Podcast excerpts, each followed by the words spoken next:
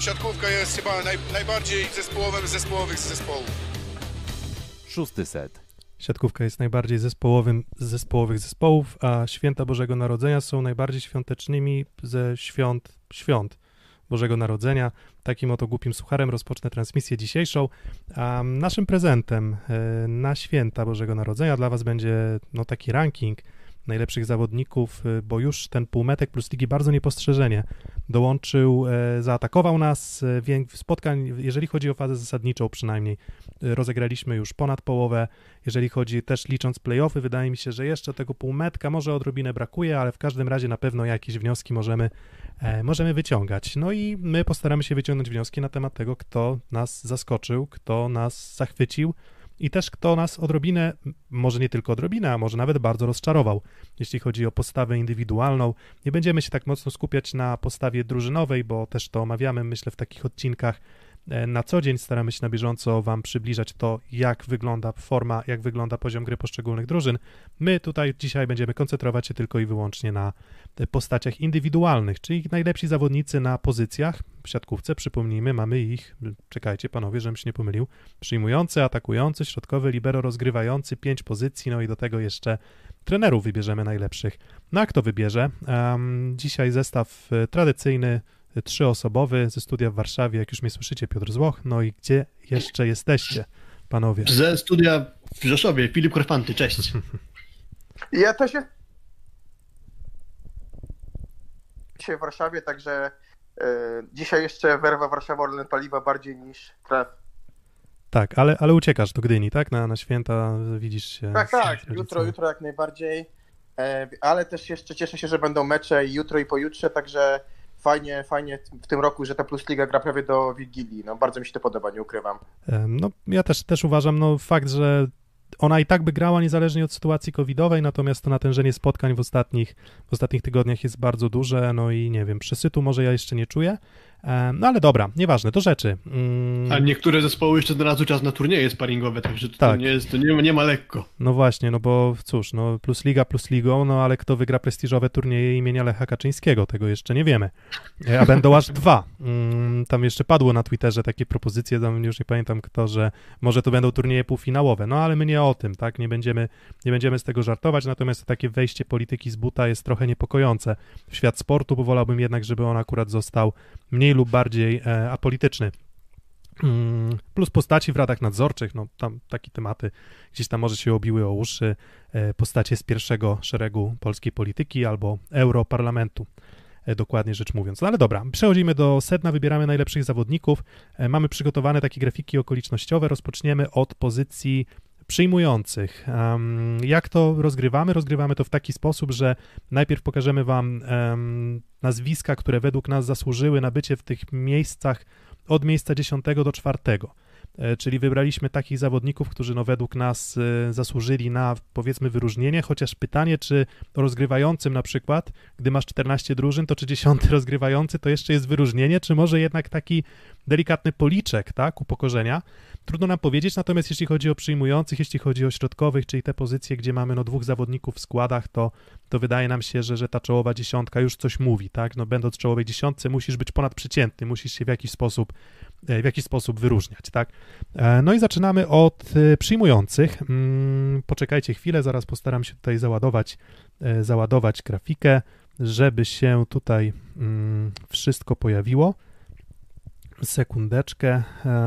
Oczywiście ta grafika E, ta grafika będzie też, e, będziemy starać się opisywać, bo wiemy, że nasz podcast jest słuchany również na Spotify, również na SoundCloudzie, więc e, dla ludzi, którzy mniej będą doceniali ten aspekt wizualny, po prostu będziemy starali się opisywać, co tak naprawdę ludzie, którzy oglądają nas razem tu i teraz na YouTubie, na naszym nagraniu live, co tak naprawdę będzie mm, o, dobra. Y, najlepsi przyjmujący pierwszej rundy plus ligi to takie trochę rozjechane, ale proszę bardzo, mamy pozycję od pozycji czwartej do pozycji dziesiątej. Mm, no i tak chciałbym, żeby to była taka luźna dyskusja. My nie będziemy się tak mocno koncentrować na każdym zawodniku po kolei, przynajmniej wśród tych od miejsc 4 do 10. Może więcej nieco uwagi poświęcimy tym, którzy zasłużyli na miejsca na podium.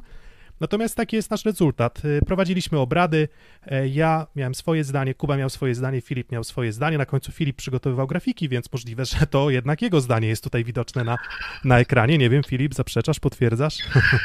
E, starałem się wziąć pod uwagę wszystkie sugestie, które były też w waszych rankingach i postarałem się to jakoś uśrednić, ale rzeczywiście wykorzystałem ten przywilej, że ja byłem tworzącym grafiki, więc ostatecznie stanęło na tym, co mi się najbardziej wydaje. Jest taki minus, że jeśli pomyliłem jakieś herby klubów, to to spadnie na mnie. Tak, dokładnie. Kto wie, bo tam nie wiadomo, jak na przykład z Aluronem CMC warto, bo tam już kilka razy nas Michał Kwietko-Bębnowski tam stryknął w nos, mówiąc, że no przecież to już nie jest Aluron CMC Virtu zawiercie, czy tak, jakoś tak, jakoś tak to leciało, tylko że to już Virtu jest... Warta. Virtu, Virtu, Warta. Virtu Warta, tak, więc, więc wieloczłonowe, tylko tam już trochę to się pozmieniało, no ale nieważne. Meritum. Um, te nazwiska, które się pojawiają, to są nazwiska oczywiście wybitnie subiektywne, w szczególności, że ta ocena tych miejsc to jest na miejscu 10, 9, 8, 7 jest w zasadzie bardzo trudna. No bo w zasadzie jak można ocenić, czy jak można porównać zawodników jak na przykład Ruben Schott, który zajął u nas miejsce 10, no i właśnie, no to może od Rubena Schota rozpocznijmy, tak szybko, nie wiem, kilkuzdaniowa rozgrywka. Dlaczego Ruben Schott? Moim zdaniem, no, bardzo stabilizuje przyjęcie, pokazują to też statystyki. E, ale on też, y, no, wydawało się, że może będzie ciężko miał, jeżeli chodzi o rywalizację z Robertem Andringą, a były w sumie takie momenty, że, że to Ruben Schott grał od deski do deski, a to Wojciech Żaliński z Robertem Andringą musieli walczyć mocno. Ja Rubena Schotta wyróżniam tutaj za przyjęcie przede wszystkim, natomiast uważam też, że od y, kilku spotkań, e, tak jak i gra Olsztyna się poprawiła, taki, taki gra Rubena Schotta w ataku, on daje moim zdaniem w ataku więcej niż nawet ja się spodziewałem, um, no i właśnie stąd też moja, moja nominacja, moja rekomendacja, myślę, że to miejsce dziesiąte czyli powiedzmy gdzieś taki środek stawki plus to jest takie miejsce, które postawa Rubena Szota, e, na które postawa Rubena Szota zasługuje. To na pewno, bo można powiedzieć, że takim zawodnikiem do kończenia ataków, do trzymania ataku tam na pewno nie był właśnie przewidziany Ruben Schott, a w tej roli defensywnego mm, skrzydłowego, czyli przyjmującego, uważam, że bardzo dobrze się spisuje tak jak zresztą Piotrze dobrze zauważyłeś, no sądziłem, że będzie tu rywalizacja na linii Andringa-Schott, a a się okazało, że do pary z shotem musiał y, Daniel Castellani szukać y, pewniaka, w sumie do dzisiaj mu się nawet to nie udało, ale, ale właśnie tą osią y, takiego szkieletu, czy tam szkieletem po prostu Indyk Polo ZS to się wydaje właśnie niemiecki przyjmujący, typowy defensywny skrzydłowy, nawet to widać dobrze, bo jak patrzymy na statystyki takich czołowych w ogóle przyjmujących, to on wyróżnia się w cudzysłowie tym, że jest jednym z najsłabiej punktujących na ser zawodnikiem, no ale faktycznie Piotrek, tak jak powiedziałeś, no przyjmuje zdecydowanie najlepiej. Tak. Kuba, tęsknisz za Rubenem Szotem, jak masz porównanie z Mateuszem Miką czy Mauricem Reichertem w Treflu Gdańsk? Wynikowo nie, ale, ale Ruben to jest zawodnik, który przez dwa lata dał niesamowicie dużo solidności. Chyba to też kupił w pakiecie Olsztyn. Solidność. Y, mało jest takich y, defensywnych przyjmujących w naszym rankingu, jak sobie spojrzymy, bo chyba to jest pierwsza rzecz, która przychodzi mi na myśl, jeżeli o nim myślę. Ale tak jak powiedziałeś, no w tej dziedzinie chyba jeden z, jakbyśmy jeszcze dzielili to na z pomocnikami na ofensywny i defensywny, to byłby jeszcze wyżej, ale nie miałem wątpliwości, żeby go wstawić. Ja też przyznam, że on był u mnie dużo wyżej w rankingu. Jakby chwilę przygotowywał, jak był średnią, ale on był u mnie parę oczek wyżej. No. Dwa czy trzy oczka wyżej? No, właśnie, więc nie. Właśnie ale, ale, tutaj ale... ja, też, ja też mam takie wrażenie, że te miejsca w zasadzie 6 tak, 10 tak. są takie Mm, nie, nie przywiązywałbym się. Wyjdzie, się z tym zgadzali. Tak, nie przywiązywałbym się też tak bardzo do pozycji. Może tak. Ruben Schott gdzieś tam trochę dalej, ale jeżeli chodzi o te pozostałe miejsca, to, to wydaje mi się, że tak jak zobaczycie nasze top 3 i te miejsce czwarte i piąte, czyli właśnie Klement Czebul i, i Piotr Orczyk, no to na mnie akurat ci przyjmujący zrobili zdecydowanie największe wrażenie w tym sezonie, e, bo mieli momenty gry naprawdę, naprawdę świetnej. Trochę niepostrzeżenie też Milate Badipur dołączył do, do, tej, do tego składu, trochę z braku laku, zupełnie szczerze też przyznamy, bo, bo, bo w zasadzie jak tak sobie mm, analizowaliśmy e, postawę przyjmujących, no to tak, no to w Stali Nysa w zasadzie kandydatów nie było, mm, w MKS-ie Będzin nie było, w Czarnych Radą w zasadzie nie było i tak po kolei skreślaliśmy poszczególnych zawodników, szereg kontuzji, problemy z COVID-em, um, nierówna forma w przypadku części na przykład no nie widzicie tutaj Tomasza Fornala. Czy Tomasz Fornal będzie w czołowej trójce? To się okaże. Oczywiście jeszcze jeden punkt. Y, jest, jest to nagranie live, więc jeżeli macie ochotę z nami dyskutować, czy uważacie, że się, że się zupełnie mylimy, no bo to są te bardzo ocenne rankingi, e, to oczywiście dawajcie znać na, na czacie i dawajcie znać, I jakie jest wasze zdanie. Poprosiliś, poprosiliśmy was też o pomoc za pomocą ankiet, które pojawiły się w naszych mediach społecznościowych, więc też będziemy starali się je omówić. Dokładnie. Natomiast kim są te postaci z miejsc 1-3, no to już za chwilę. Um, to może z tych postaci wyżej w rankingu, Klement Czebul, Piotr Orczyk, y, to też nie jest tak, że na przykład Czebul grał od deski do deski idealnie, bo nie wiem, czy też macie takie poczucie, że ta czołowa trójka miała najwięcej dobrej gry, a jeżeli chodzi o wszystkich tutaj na tej liście, no to w zasadzie po kolei możemy powiedzieć, Czebul miał słabszy moment, Orczyk miał bardzo duży zjazd po covidzie, e, Kwolek przecież teraz no ostatnie kilka spotkań e, nawet nie wychodził w podstawowym składzie, e, Ebadipur wyglądał źle fizycznie, więc w zasadzie nie jest tak, że uważam, że ta rywalizacja na pozycji przyjmujących jest akurat w lidze, tym, w tym konkretnym sezonie jest na jakimś niebywałym poziomie, natomiast jak już Klement Czebul grał, to Resowia bardzo często wygrywała, a na pewno zdobywała punkty. Um, gdy Klement Czebul nie grał... Był w ogóle jakiś taki mecz... Właśnie, przepraszam. E, tak, że gdy, gdy Klement Czebul nie grał, to, to po prostu nie grał dobrze, mm, bo nie, nie chodzi o to, czy on grał, bo on w zasadzie grał od deski do deski, tak? To jest jeden z niewielu zawodników, o którym można powiedzieć, że on w zasadzie chyba był zawsze w podstawowym składzie Aseko Rysowi Rzeszów w tym sezonie. Tak, całkiem sporo rotował właśnie włoski szkoleniowy Alberto Giuliani, ale akurat nie słoweńskim y, przyjmującym. Jeśli ktoś się zmieniał, to ktoś do pary z nim. Więc y, nie bardzo miał też takie momenty ucieczki, gdzie można było go łatwo zdjąć. Potem rozsypał się Nikola Szerszeń, rozsypał się Robert Techt, co powoduje, że w zasadzie do momentu zatrudnienia ostatniego Simone Parodiego musiał grać Czebul i musiał grać Buszek, a Czebul w zasadzie no, był, miał niepodważalną pozycję w Asekoresowi Rzeszów. No i za co ja go też bardzo cenię, to jest to, że to jest taki zawodnik, który dołożył wszystkim, czyli on zarówno potrafił ustabilizować przyjęcie, potrafił dołożyć e, punkty blokiem i potrafił dołożyć punkty nawet serią na, na zagrywce, a do tego był bardzo mocno obciążony przez Fabiana Drzyzgę. E, więc e, trudno mi po prostu było go nie docenić, nawet jeśli ja zdaję sobie sprawę z tego, że Klement Czebul ma w trakcie nawet jednego spotkania czy jednego seta takie bardzo rozchwiane momenty swojej gry. On potrafi zablokować na pojedynczym bloku, on potrafi dołożyć zaraz asa, on potrafi skończyć niebywałą kontrę, a zaraz potem potrafi popełnić dwa błędy w przyjęciu i na przykład, nie wiem, e, wywalić piłkę w out, tak? I trochę... Albo trzy razy w środek bloku po kolei. No właśnie, no właśnie, więc trochę rozchwiany, natomiast było, nie było, no opoka Aseko Resowi Rzeszów. E, to nie jest może najbardziej satysfakcjonujący sezon dla kibiców Resowi, ale wydaje mi się, że akurat e, jeżeli chodzi o postać Słoweńca, to, to, to, to do niego nie można mieć zbyt dużo zastrzeżeń. Jeżeli Dla mogę mnie... Mhm? Tak, to chciałem tylko powiedzieć, że y, myślę, że jak on grał dobrze, to Resowia wygrywała. Nie wiem, czy był mecz, w którym Czebul zagrał słabo, a Resowia go wygrała. I tak samo to, co mówił Piotrek, że były te spotkania, że dwa sety super zaczynał i potem miał na przykład dołek w trzecim, set przegrany. Tak było szczególnie na początku sezonu, kiedy Resowia dużo wygrywała po tej breaku, że Czebul myślę, że to jest dzisiaj y, nie wiem, czy jest druga taka drużyna, w której jeden zawodnik konkretny aż tyle znaczy, co Czebul, Czebul w Resowi.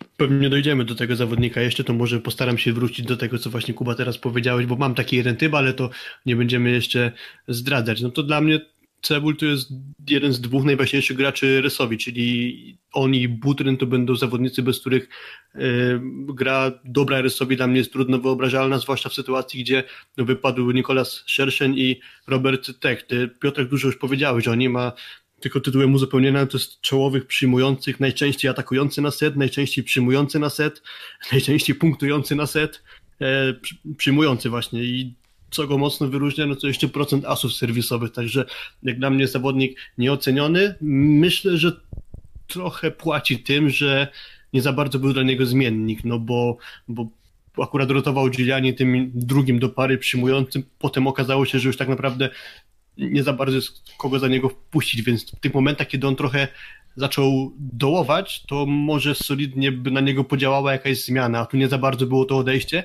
No i musiał to wszystko wytrzymywać, no serwowali w niego często, dostawał piłek dużo i musiał sobie z tym radzić i uważam, że poradził sobie to całkiem dobrze, nie na top 3, ale to czwarte miejsce, myślę, że całkiem zasłużone i myślę, że podobny pułap co Piotrek Orczyk, czyli ich dwóch mniej więcej podobnie tutaj sobie klasyfikuję, czyli jest ta grupa powiedzmy 7-10 w naszym rankingu pokazanym, później jest Bartek Kwolek i trochę wyżej Orczyk z Cebuliem już tak bardzo blisko siebie.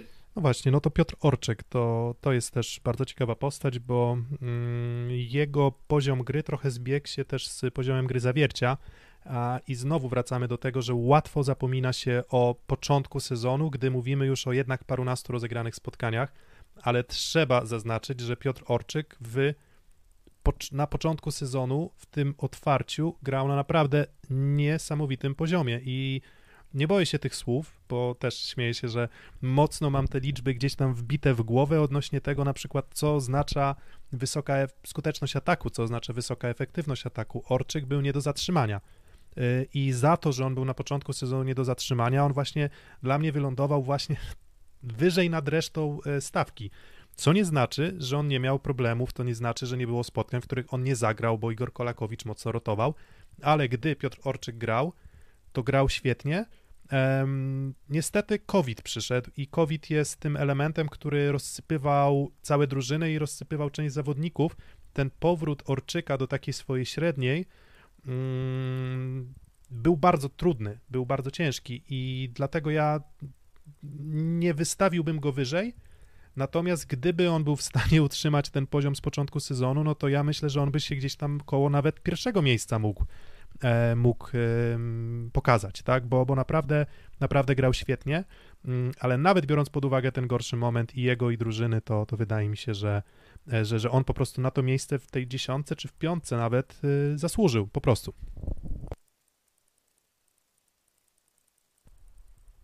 To tak, i do tego jeszcze biorąc pod uwagę, co my oceniamy, a przynajmniej co dziś pewnie w naszej trójce możemy doceniać. Statystyki to jest jedno. Druga sprawa to jest to, jaką rolę pełni w zespole. No i wydaje mi się, że właśnie Piotr Gorczyk to jest tej czwórki przyjmujących zawiercia taka postać no, numer jeden. Gdzieś tam po piętach pewnie depcze Gareth Magututia, ale on jest trochę bardziej jeszcze chyba rozchwiany i też ma mniejszą rolę w ataku, aniżeli właśnie Orczyk. Dlatego biorąc pod uwagę to, jakie on ma znaczenie dla gry E, swojego zespołu, no to myślę, że to jak najbardziej go w czołówce przyjmujących e, może plasować. Mm, Kuba? A z mojej strony jedna rzecz tylko krótko.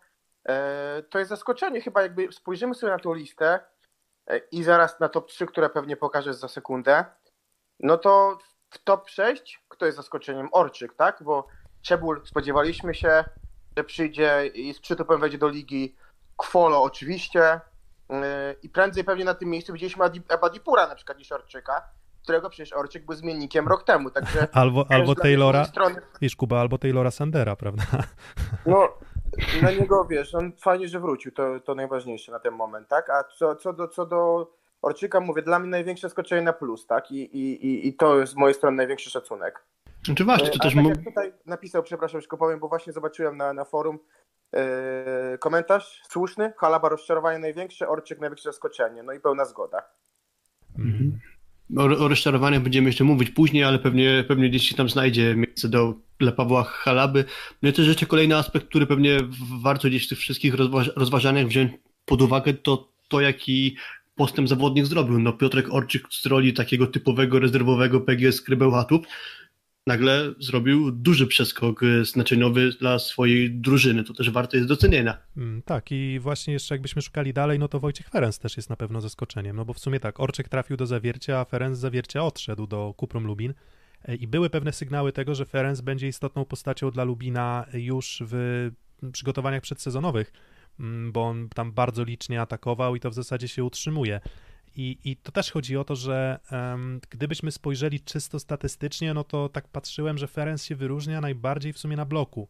I w sumie te, te, te, te jego statystyki na bloku też udało mu się nabić w meczu z Treflem Gdańsk. To nie wiem, czy pamiętacie, jak tam trzymał Mariusza Wlazłego e, kilkukrotnie w, w tym, tym, tym meczu w Ergo Arenie.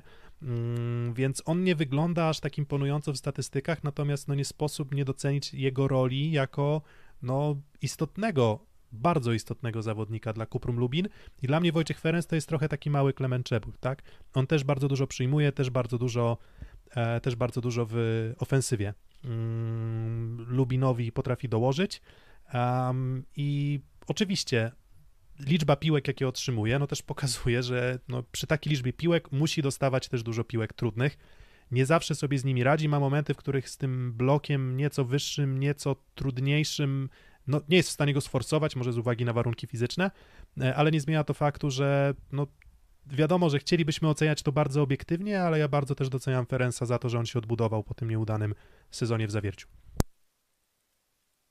No i oprócz tego Ferenc jeszcze grając w parze z Pęczewem no siłą rzeczy jest dość mocno ostrzeliwany w przyjęciu, co też jest trzeba chyba do podkreślenia, tak jak w przypadku Czebulia, że no okej, okay, w ataku robi liczbę, a jeszcze musi sobie poradzić najpierw z tym, żeby jakąś piłkę do rozgrywającego dograć, dlatego tu też istotna sprawa. No i w sumie sobie z tym radzi, tak jak Piotr Gorczyk, trochę zaskoczenie. No, przed sezonem w życiu bym nie powiedział, że w pierwszej siódemce z czystym sumieniem dam Wojciecha Ferenca.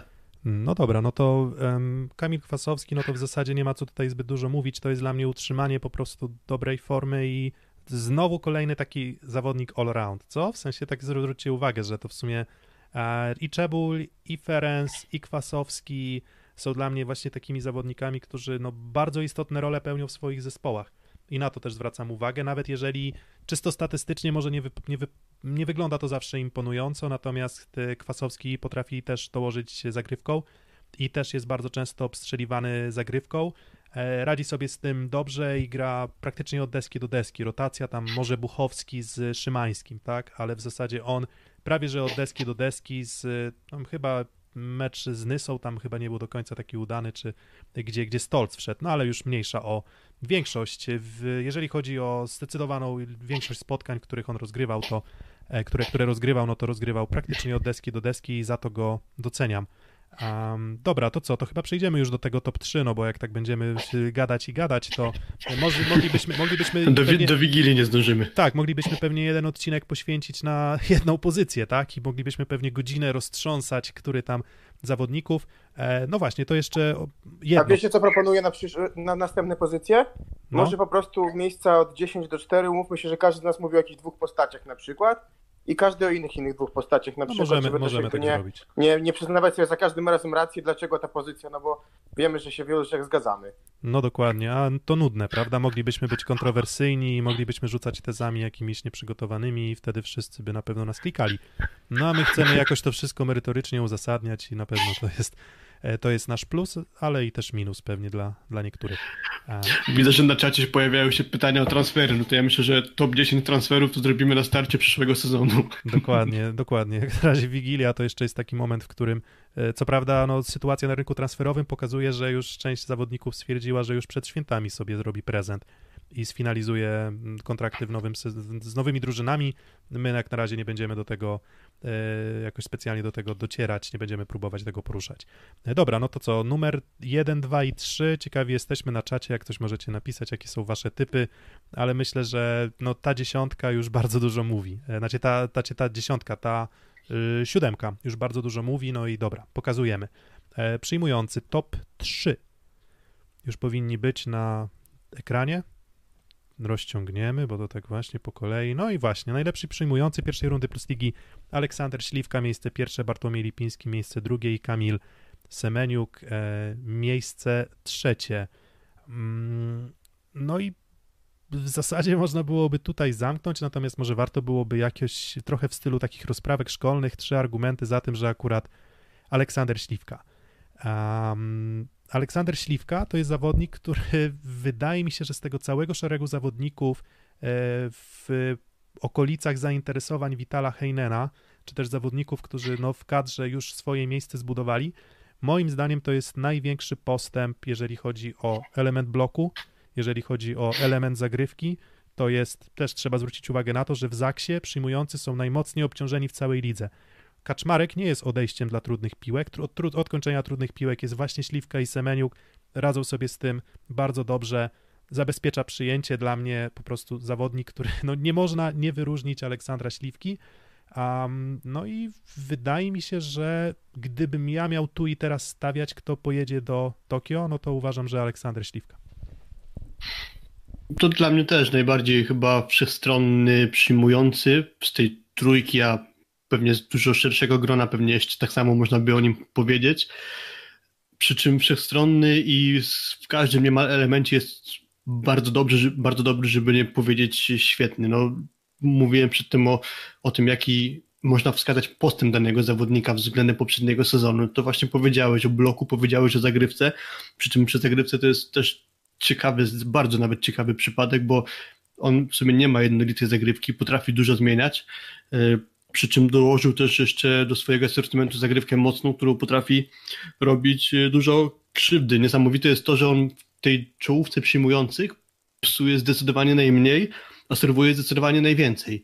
I tu jest chyba właśnie główna jego zaleta tego, że on potrafi zagrywkę zmieniać, że ciężko się pod niego ustawić i być może też jest jakaś mądrość w tym wszystkim, że potrafi odpowiedni rodzaj zagrywki dobrać do przeciwnika czy do danego ustawienia po drugiej stronie siatki. Także tutaj widzę no, bardzo duży atut właśnie w tym, w tym elemencie.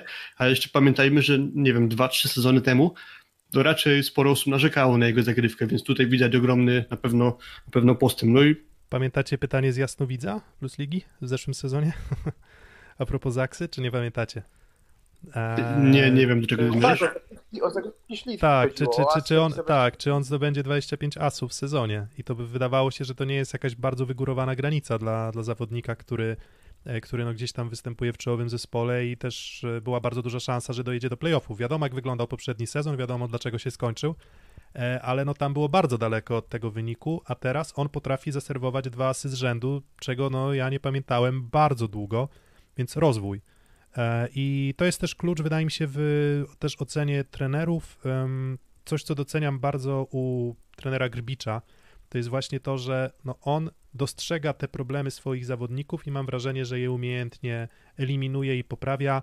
Olek Śliwka dorósł, dojrzał, rozwiązania siłowe e, są już e, dużo skuteczniejsze do szału potrafi doprowadzać swoich rywali tymi atakami z lewego skrzydła, gdzie piłka ląduje gdzieś tam na 10-11 metrze, a do tego naprawdę trzeba mieć parę, trzeba mieć siłę, więc on rozwiązania techniczne miał, uzupełni je o ofensywne, jest liderem drużyny, która nie przegrała ani jednego spotkania w tym sezonie, moim zdaniem trudno tutaj już cokolwiek więcej powiedzieć.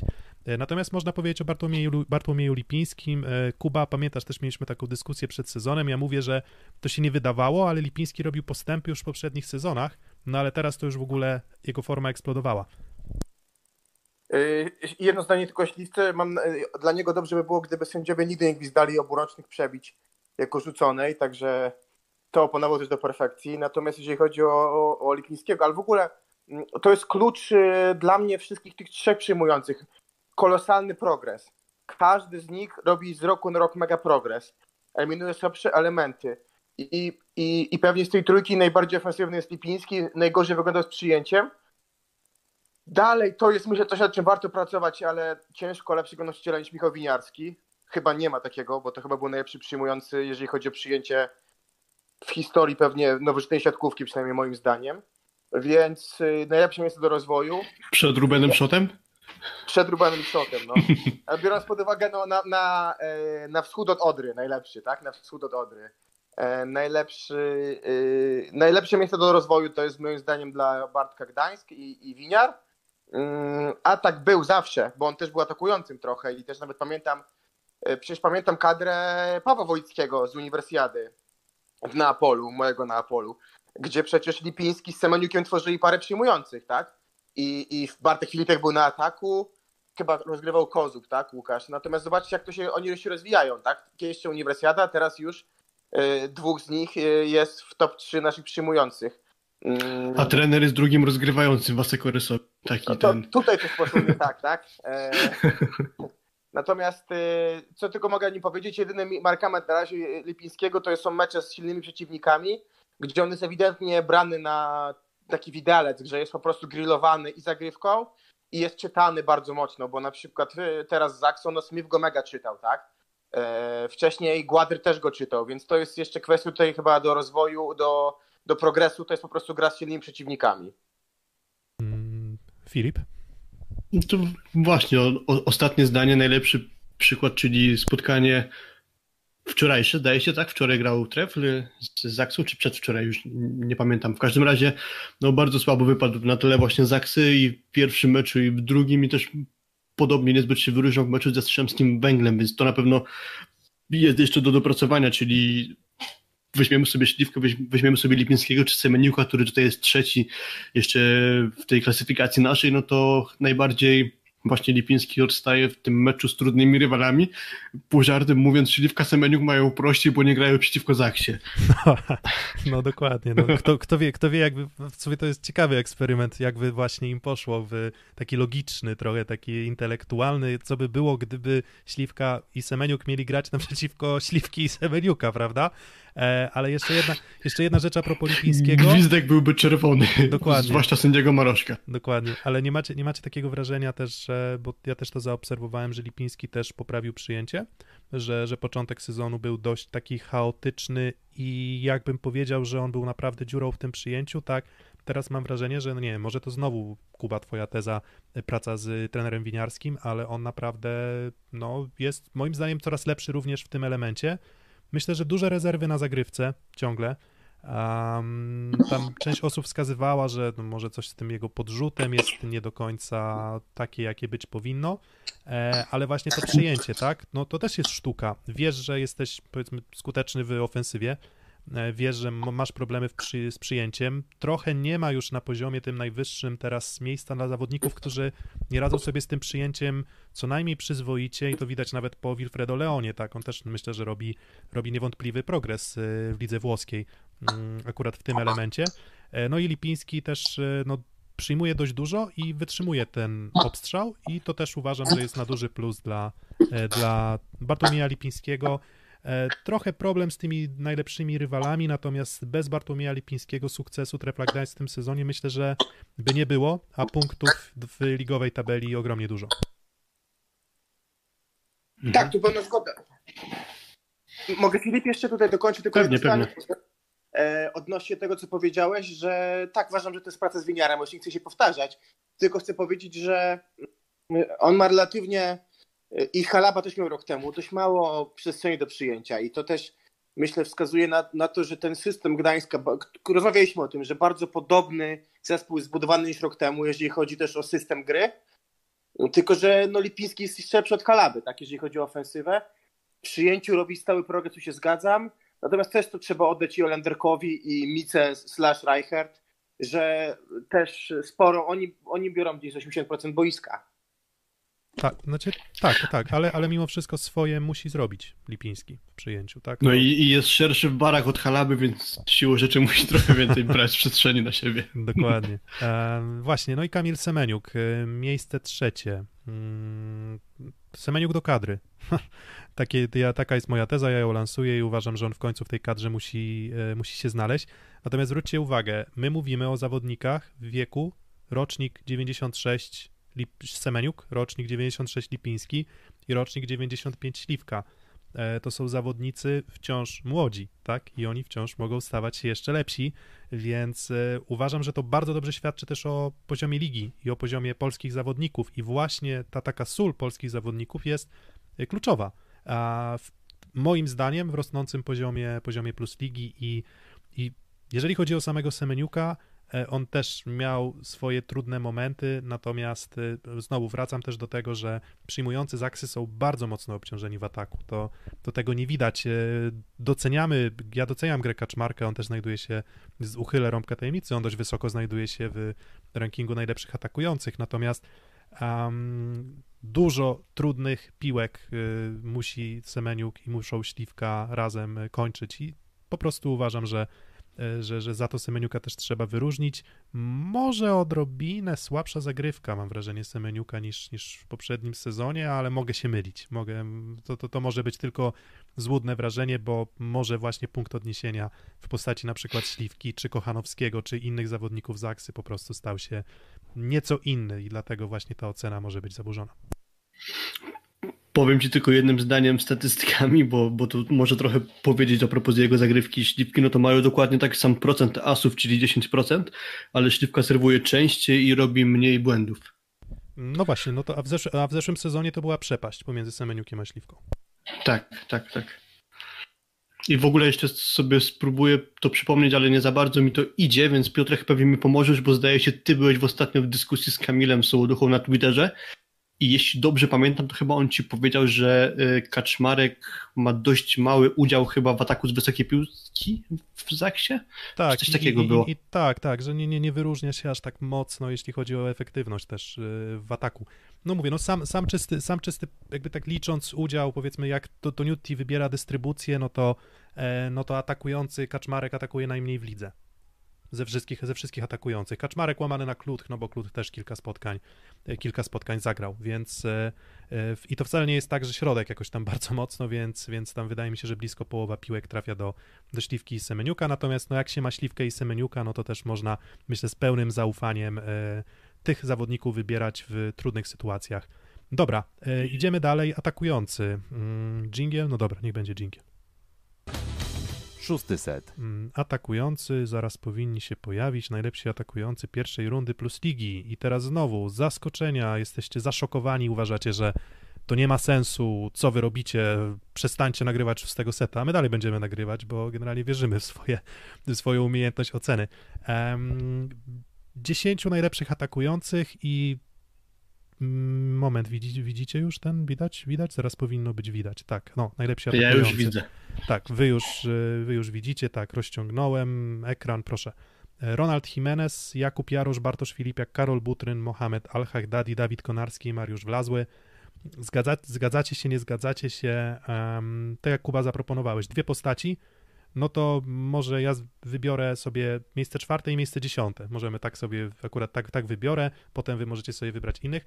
Ronald Jimenez to taka przeciwwaga dla Łukasza Kaczmarka, no bo on z kolei w barwach Kuprum jest obciążony najmocniej. On najwięcej atakuje w lidze, jest najlepiej punktującym i znowu troszkę bierzemy poprawkę na to, że on przychodził z Ligi Francuskiej, gdzie mm, ta jego charakterystyka była raczej dla mnie taka, że on jest dość zawodnikiem zero-jedynkowym, natomiast mnie na przykład bardzo zask- pozytywnie zaskoczyło to, że on do tych warunków fizycznych wybierał naprawdę dobre kierunki i potrafił robić to precyzyjnie.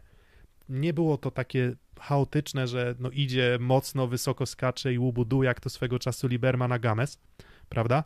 Mm, Pytanie na czacie, gdzie Bołądź? No, gdzie może być Bołądź? Myślicie, że jest w trójce, czy nie ma? Bołądź pierwszej trójce, zgadza się. Więc Ronald Jimenez dokłada zagrywką, dokłada blokiem. Pojawiają się takie zarzuty, że jest może odrobinę za miękki w ofensywie. Spoglądając na tabelę, no też jednak widzimy, że no 17 spotkań Kuprum i tylko 4 zwycięstwa.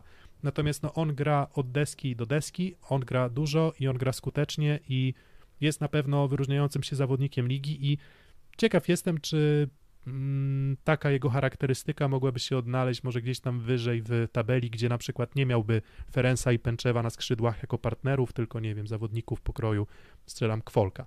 Dajmy na to, czy, czy Szalpuka, czy, czy, czy, czy nie wiem, czy Fornala.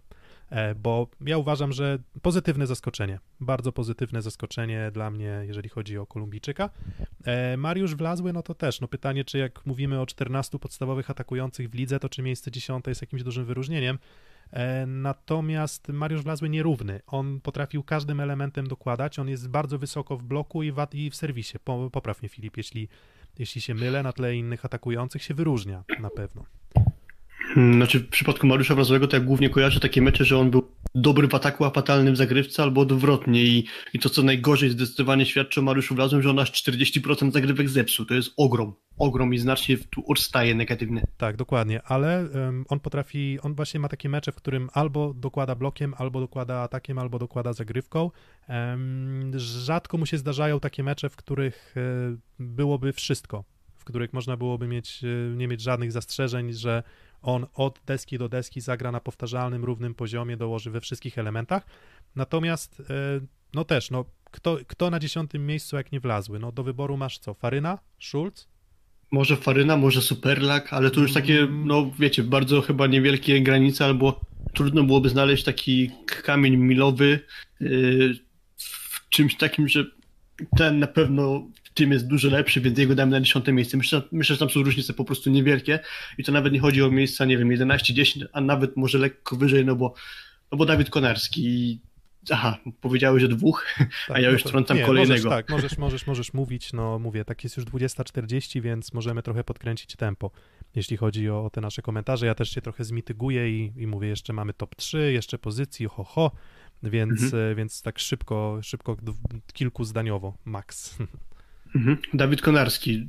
Duża sprawa, że on wypadł przez kontuzję i sporo nie grał, ale jeśli już grał, no to myślę, że on spełniał oczekiwania, które można było mu postawić. No bo też pamiętajmy, że on miał trochę problem na rynku transferowym, że on późno trafił do Radomia, co myślę, że jeśli byśmy na to patrzyli z perspektywy osób e, w klubach, które mają mu zaoferować kontrakt, to pewnie o czymś się świadczy, że może były jakieś obawy z tym związane, lub ewentualnie może chodziło o sprawę wysokości kontraktu. To, to tak naprawdę tego nie wiemy, no ale fakt jest taki, że późno dołączył do Radomia i ja myślę, że jak na tak późny transfer, na to, że został na rynku transferowym gdzieś tam później rozgarnięcia, no to myślę, że spełnia swoją e, rolę i gra bardzo równo, chyba powtarzalnie. My- Myślę, że spokojnie mm, Michał Kędzierski może mu zaufać i na tym nie będzie, nie będzie stratny. Tam raczej w Radomiu jest problem po lewej stronie e, siatki, aniżeli po prawej na prawym skrzydle i dlatego myślę, że Dawid Konarski tutaj jest wyróżniającym się atakującym ligi, ale, ale w żadnym aspekcie nie jest na tyle mm, odstający na plus, żeby go sytuować trochę wyżej, ale na pewno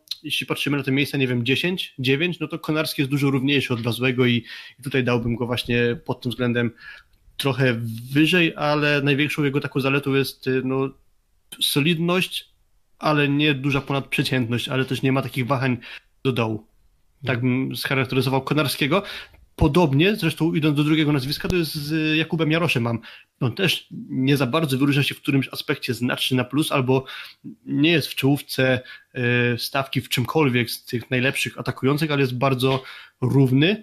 E, Nawet patrzyłem sobie na jego bilans poszczególnych meczów. To chyba tylko trzy spotkania, w których miał poniżej 40% skuteczności ataku, a ponad połowę meczów miał na powyżej 50% skuteczności ataku. To myślę, że dobrze oddaje jego mm, regularność.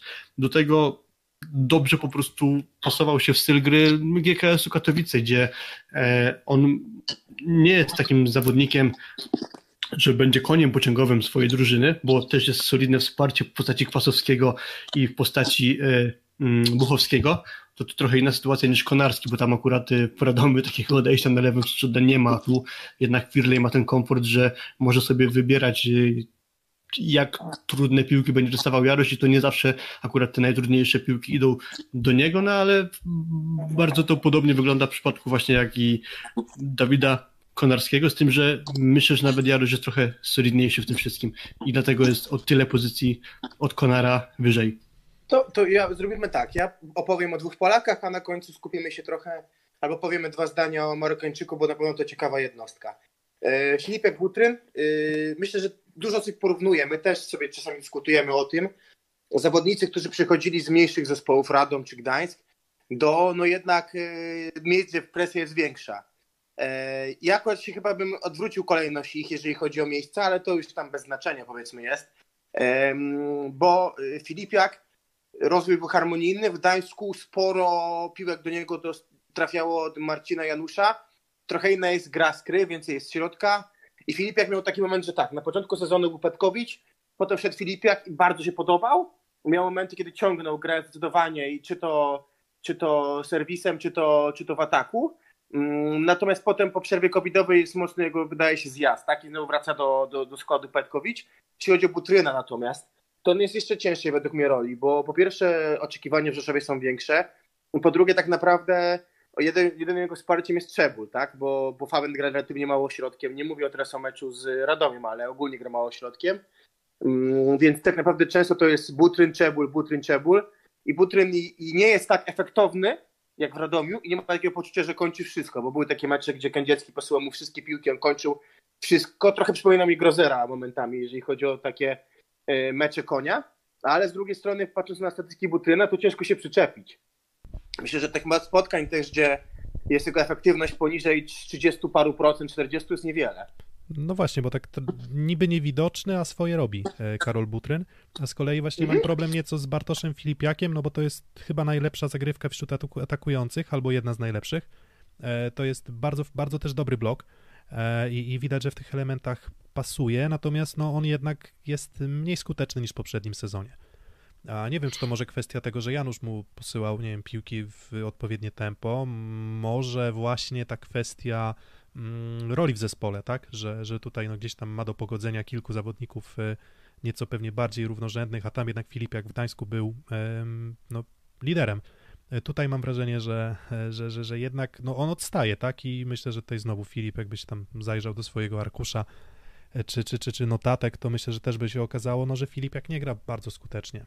Mm, I, tego no nie, on jest w ogonie takich czołowych atakujących, jeśli chodzi o skuteczność i efektywność.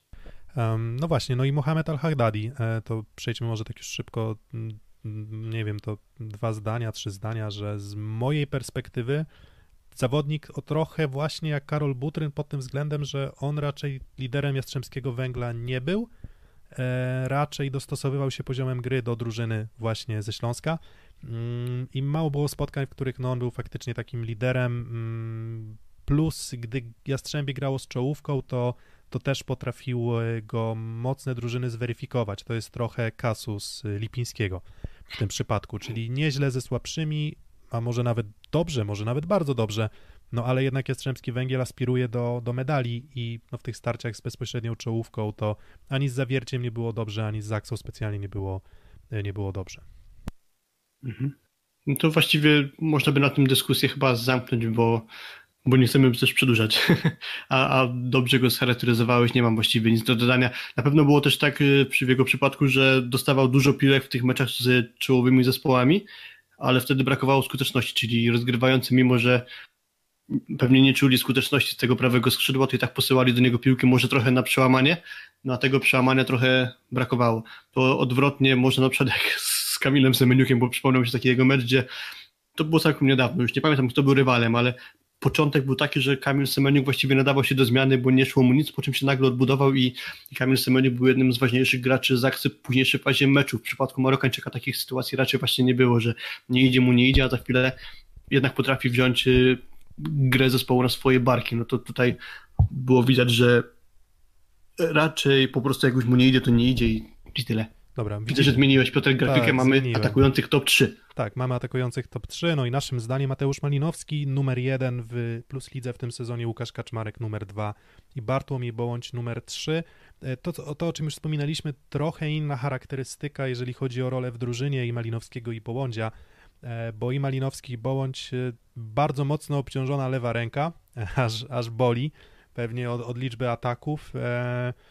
No i Malinowski w zeszłym sezonie już grał naprawdę bardzo dobrze, przynajmniej statystycznie. To trochę znika. Zwróćcie uwagę, jak czasem to, jak dobrze gra drużyna, jak dobrze punktuje drużyna, wpływa też na ocenę zawodników. W zeszłym sezonie Malinowski może nie grał wcale aż tak dużo lepiej niż to, co grał w tym sezonie, e, natomiast zawiercie po prostu jako takie gra lepiej, no i od razu mówimy, no Malinowski się zachwycamy, natomiast on już w zeszłym sezonie już był bardzo dobry i ma swoje wady, bo ma problem z blokiem przede wszystkim, Natomiast jeśli chodzi o to, za co rozliczamy atakujących, czyli jeżeli chodzi o kończenie piłek licznie i kończenie piłek e, trudnych, no to bez niego Maxi Kawana na rozegraniu nie miałby aż takiego komfortu, no i myślę, że punktów do ligowej tabeli zawiercia byłoby zdecydowanie mniej, więc on też e, no, statystycznie jest po prostu najskuteczniejszym zawodnikiem ligi i potrafi to utrzymać przy dużej liczbie ataków i za to bardzo doceniam.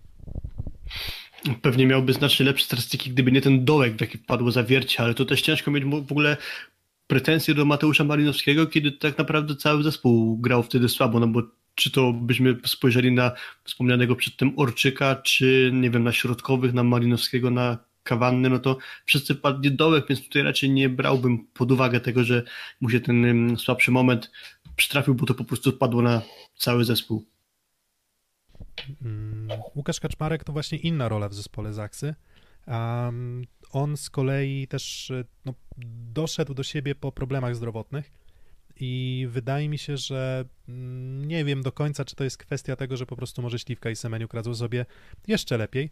Natomiast e, jeżeli chodzi o, o kończenie piłek trudnych, e, kończenie piłek gdzieś tam dociągniętych z, z, z 5, 6, 7 metra, więc nie jest aż tak mocno obciążony w ataku Łukasz Kaczmarek, natomiast też nie sposób nie docenić e, też jego postępów na zagrywce, nie sposób nie docenić tego, że poprawił blok w porównaniu do Barotiego e, w zeszłym sezonie, mimo tego, że obaj, e, obaj panowie tak naprawdę na schwał, takie drwale, to, to, to Łukasz Kaczmarek jednak zdecydowanie lepszy na bloku, lepszy w obronie, mhm. więc trochę inna rola, Ale... Tak, ja, w- ja w ogóle myślę, że Kaczmarek to jest czołówka, jeśli chodzi o obronę wśród atakujących.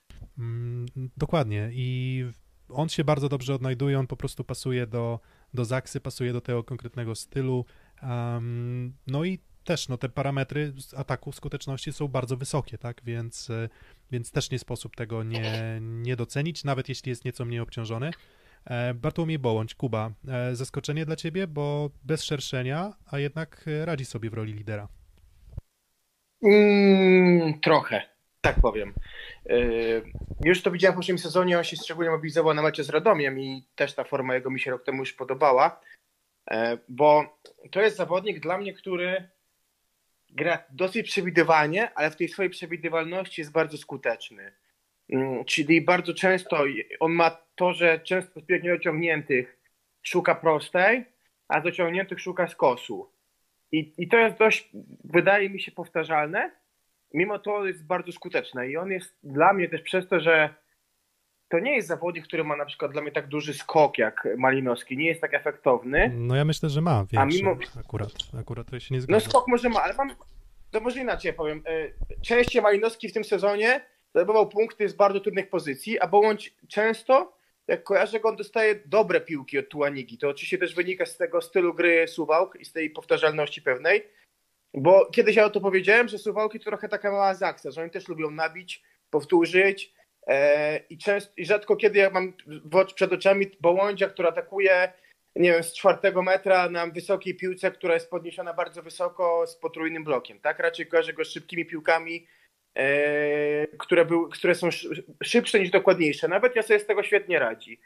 Nie jest to zaskoczenie i co mi się u niego podoba, zagrywka, bo on też ma zagrywkę różną, bo pamiętam końcówkę meczu bodajże z Radomiem, że on dwa razy posłał na koniec e, asy, obydwa to były skróty. Nie wiem, czy to był Radom, czy ktoś inny, nie pamiętam, a może Rasowa to była z kimś było tak, że ostatnie dwie piłki w czwartym secie, dwa razy grał skróta e, nawet po przerwie zagrał skróta skutecznego, także też taka pewna pozytywna bezczelność jest u niego.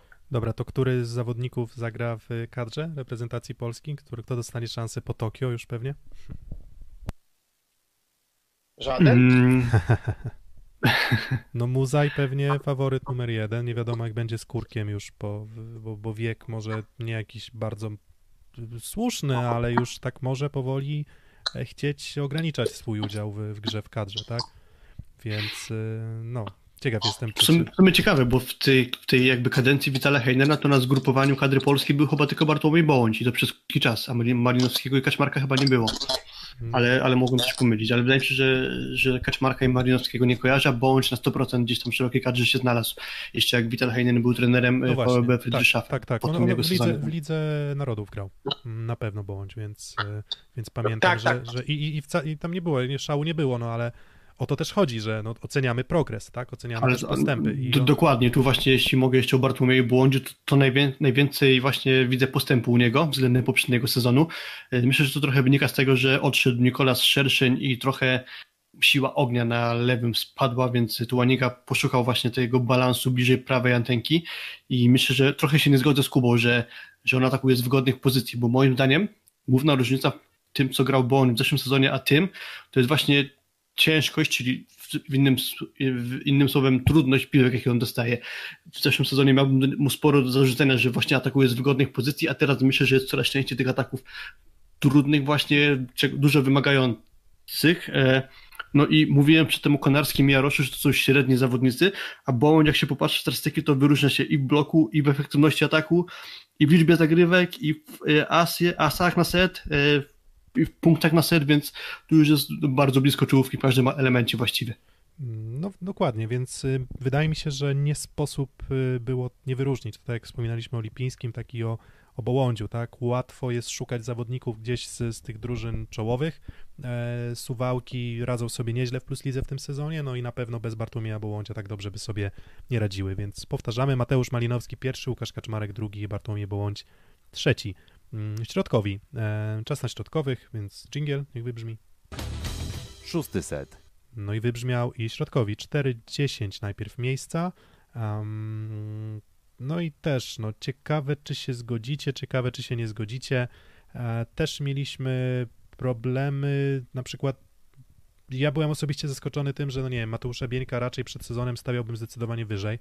Mm, Ja osobiście gdzieś tam Miłosza zniszczoła, nawet widziałem w czołowej trójce. I tutaj może oszczędźmy już sobie rozmawiania o każdych zawodnikach po kolei. Może najpierw tak, Andrzej Wrona 10, 9 David Smith, 8 Mateusz Bieniek, 7 Flavio, 6 Wiktor Josifow, 5 Miłosz Zniszczał i 4 Piotr Nowakowski. I chyba Zniszczał jest najbardziej zaskaku- zaskakującą postacią z tych wszystkich. Natomiast no, on gra, moim zdaniem, sezon życia w Plus Lidze. Moim zdaniem on na takim poziomie jeszcze nie grał. Um, bardzo dobrze radzi sobie w bloku. On zawsze miał kąśliwego flota. Ja uważam, że to jeden z najlepszych flotów w lidze. No i do tego Firley uruchamia go na tyle umiejętnie, żeby może ukryć jakieś tam wady w, mm, w kwestii, nie wiem, kory- korygowania, wyboru odpowiednich kierunków, gdzieś tam może Albo zmiany- plastyczności ataku. tak, może, tak, no krótko. tak, tak, dokładnie. Myślę, że ta plastyczność ataku jest bardzo dobrym określeniem tutaj, e, co nie zmienia faktu, no, że jak dostaje piłki, no to nie można winić go za to, że dostaje piłki, które no, Firley mu dopracowuje, tak, więc on musi je i tak skończyć, no i kończy je. Mm, Dla mnie największe zaskoczenie na tej liście właśnie e, Miłosz zniszczą. E, Pytanie Łukasz L. Nowakowski tak wysoko. No to Piotr Nowakowski myślę, że nie do przecenienia jest w, aspekcie bloku i to chodzi o blo, bloki punktowe na set i, i wybloki, a to myślę, że z tych takich naj, z poszczególnych elementów siatkarskiego rzemiosła, to wśród środkowych to właśnie najbardziej chyba właśnie na, na blok powinniśmy patrzeć i tu akurat Nowakowski, no może chyba nie przesadzę, jak powiem, że zjada swoich konkurentów, moim zdaniem, tak przynajmniej. Do tego może nie jest do końca wykorzystywany w ataku tak, jakbyśmy sobie tego życzyli, czy tak jak wskazuje jego potencjał. I też dlatego może nie jest w najlepszej trójce, tylko tak jak widzimy na czwartym miejscu, trochę bym zrzucił winy tutaj na rozgrywającego, z którym mu przyszło grać, który myślę, że no, miałby tutaj jeszcze sporo do poprawy, jeśli chodzi o współpracę właśnie z Piotkiem, no ale jeśli chodzi o blok, no to moim zdaniem no, gigant po prostu nadal, więc dlatego tak wysoko. I myli, myli się bardzo mało też, trzeba, trzeba na to zwrócić uwagę. On tym w ofensywie nie, nie gra dużo, nie jest wykorzystywany mocno, ale, ale ta jego e, efektywność, ani bardzo ciężko jest go zablokować, bardzo, bardzo ciężko jest zmusić go do błędu. E, No i na bloku, no tak jak wspominałeś, więc tutaj ja nie mam nic, nic więcej do dodania. A to, co mi przypada znowu w udziale, no powiem o ciekawych postaciach. David Smith, e, no, też nie będę ukrywał, to jest osoba, która mnie mega inspiruje poza boiskiem, ale mówimy teraz o boisku. Mm, Bardzo solidny zawodnik to jest. E, Można powiedzieć czasami, że są mecze, kiedy jest najsłabszym punktem Zaksy, no ale mieli taki najsłabszy punkt w drużynie, bo chyba w siatkówce jest też tak, że jak jesteś tak silny jak twój najsłabszy zawodnik. A z drugiej strony mam też takie poczucie, jak oglądam Smitha, że im ważniejszy mecz, tym gra lepiej, że to jest taka amerykańska mentalność. I widziałem jego bardzo dobrą grę z Bełchatowem, teraz z Gdańskiem 5 bloków. Dobrze wyglądał też z Jastrzębiem, także to jest zawodnik, który moim zdaniem jest no, ty, a big gamer po prostu, tak? Dwa, on ma bardzo dobrą zagrywkę. Money, money Często- time, money time player. Ma, money player, tak, no, on ma, tak, yy, Money player. a tak się prawie No. w ogóle nie myli. On jest czasami blokowany, ale się praktycznie nigdy nie myli. Mm, Zagrywkę ma mm, y, lepszą od Kochanowskiego na przykład, co jest zaskakujące pewnie dla nas, tak?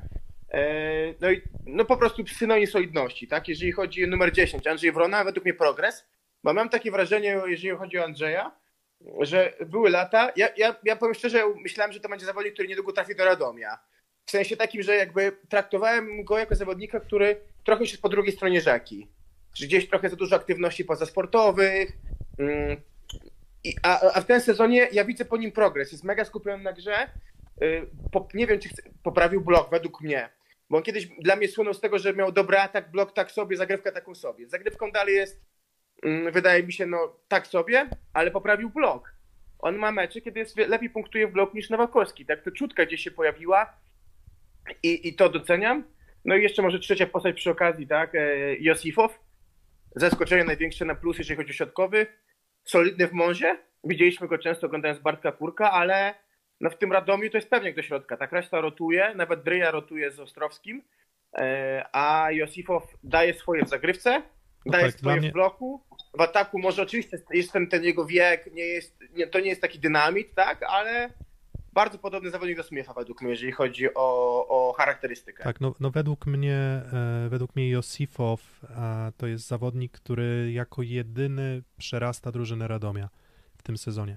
Że, że jeżeli ja miałbym go przeszczepić gdzieś tam wyżej, to, to, to uważam, że, że, że, że on by sobie dobrze radził w klubach, e, które będą, nie wiem, walczyć o, o medale na przykład, więc dobry blok, dobra zagrywka, no niestety, no środkowy sam meczu nie wygra i, i po prostu no trudno jest winić Josifowa za, za, za złe wyniki Radomia, mm, bo on moim zdaniem swoją cegiełkę po prostu dokłada regularnie, powtarzalnie.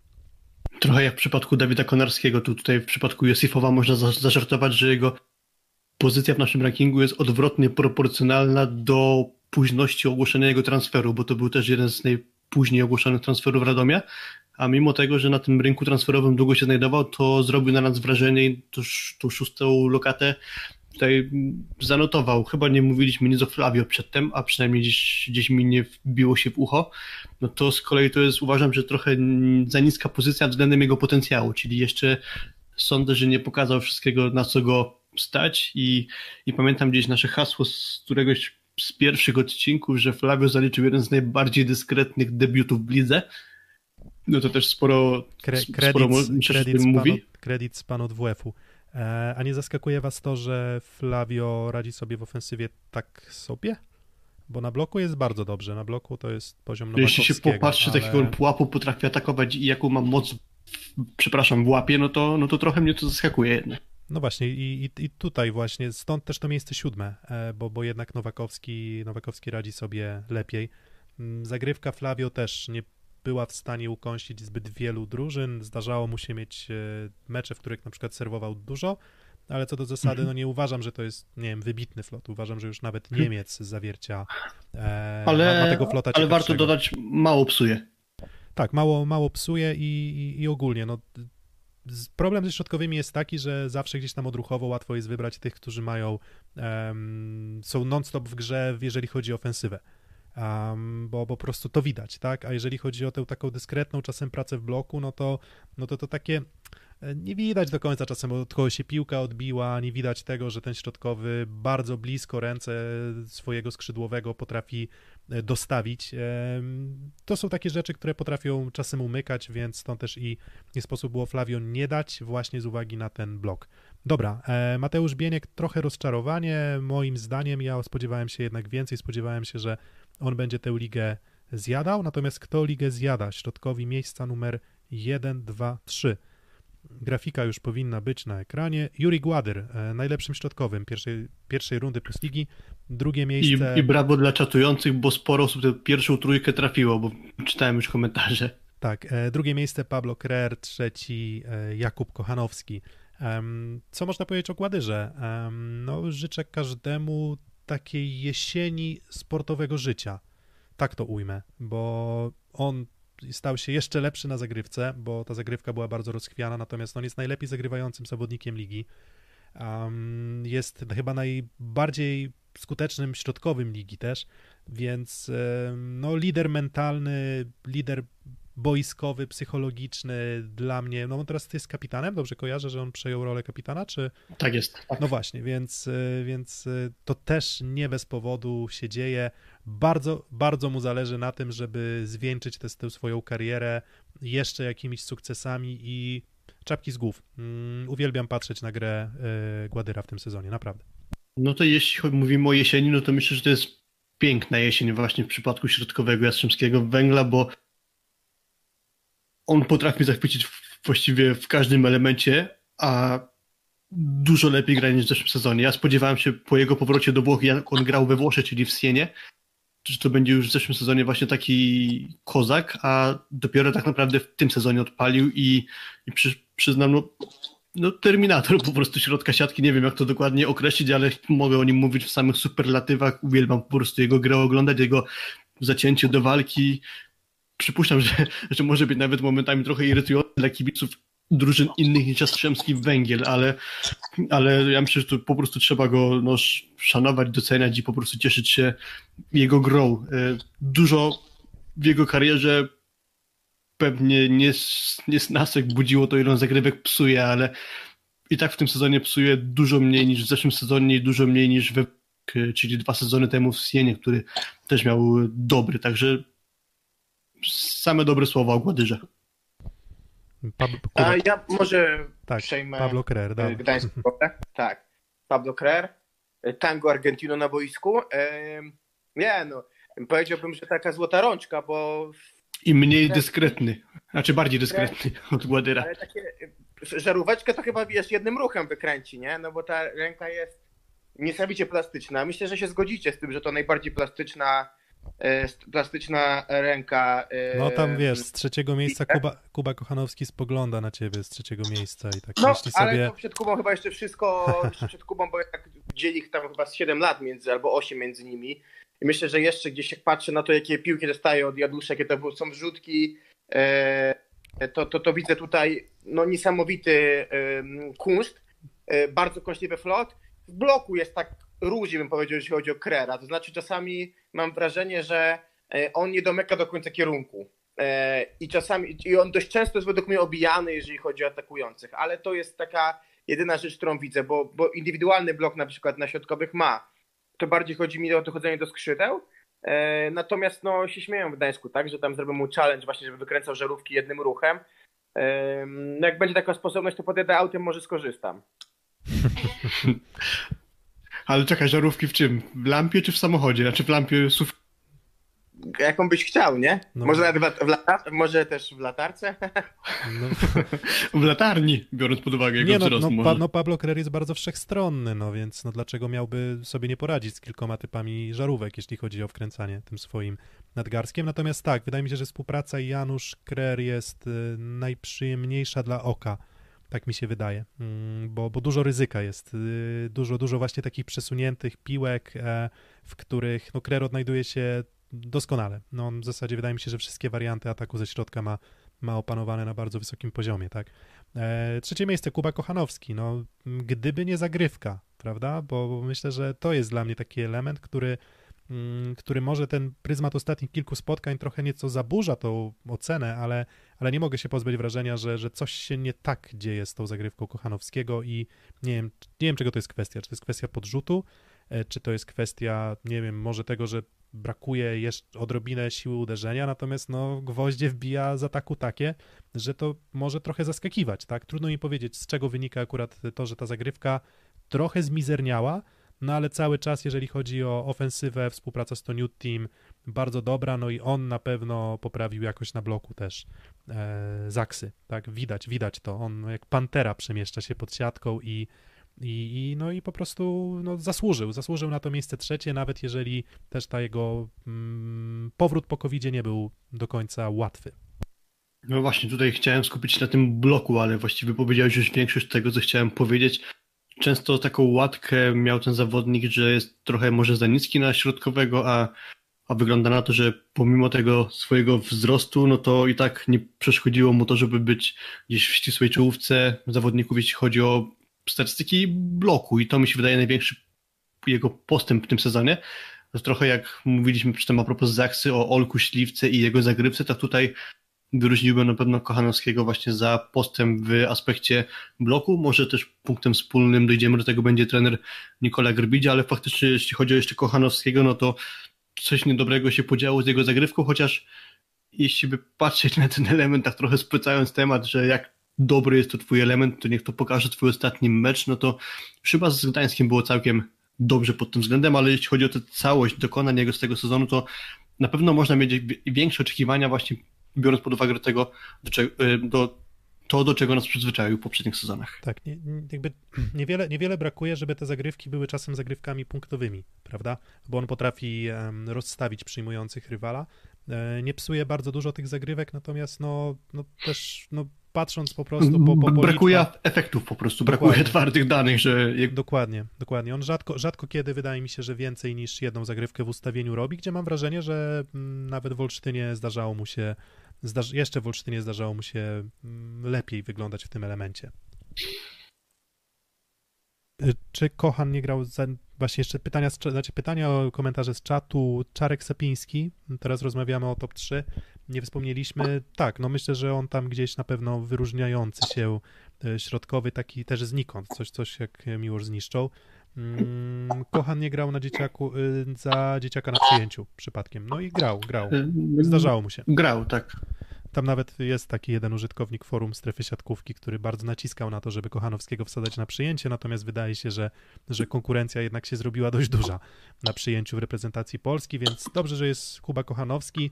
E, no i samo to, że jest na tym trzecim miejscu, gdzie no porównujemy tam Piotr Nowakowski, miejsce czwarte, Kuba Kochanowski, no to gdybyśmy mieli wybierać środkowych na podstawie e, środkowych do Tokio, na podstawie tych konkretnego, tego konkretnego rankingu, no to mówimy Nowakowski z Kochanowskim w parze i Bieniek jako e, trzeci środkowy.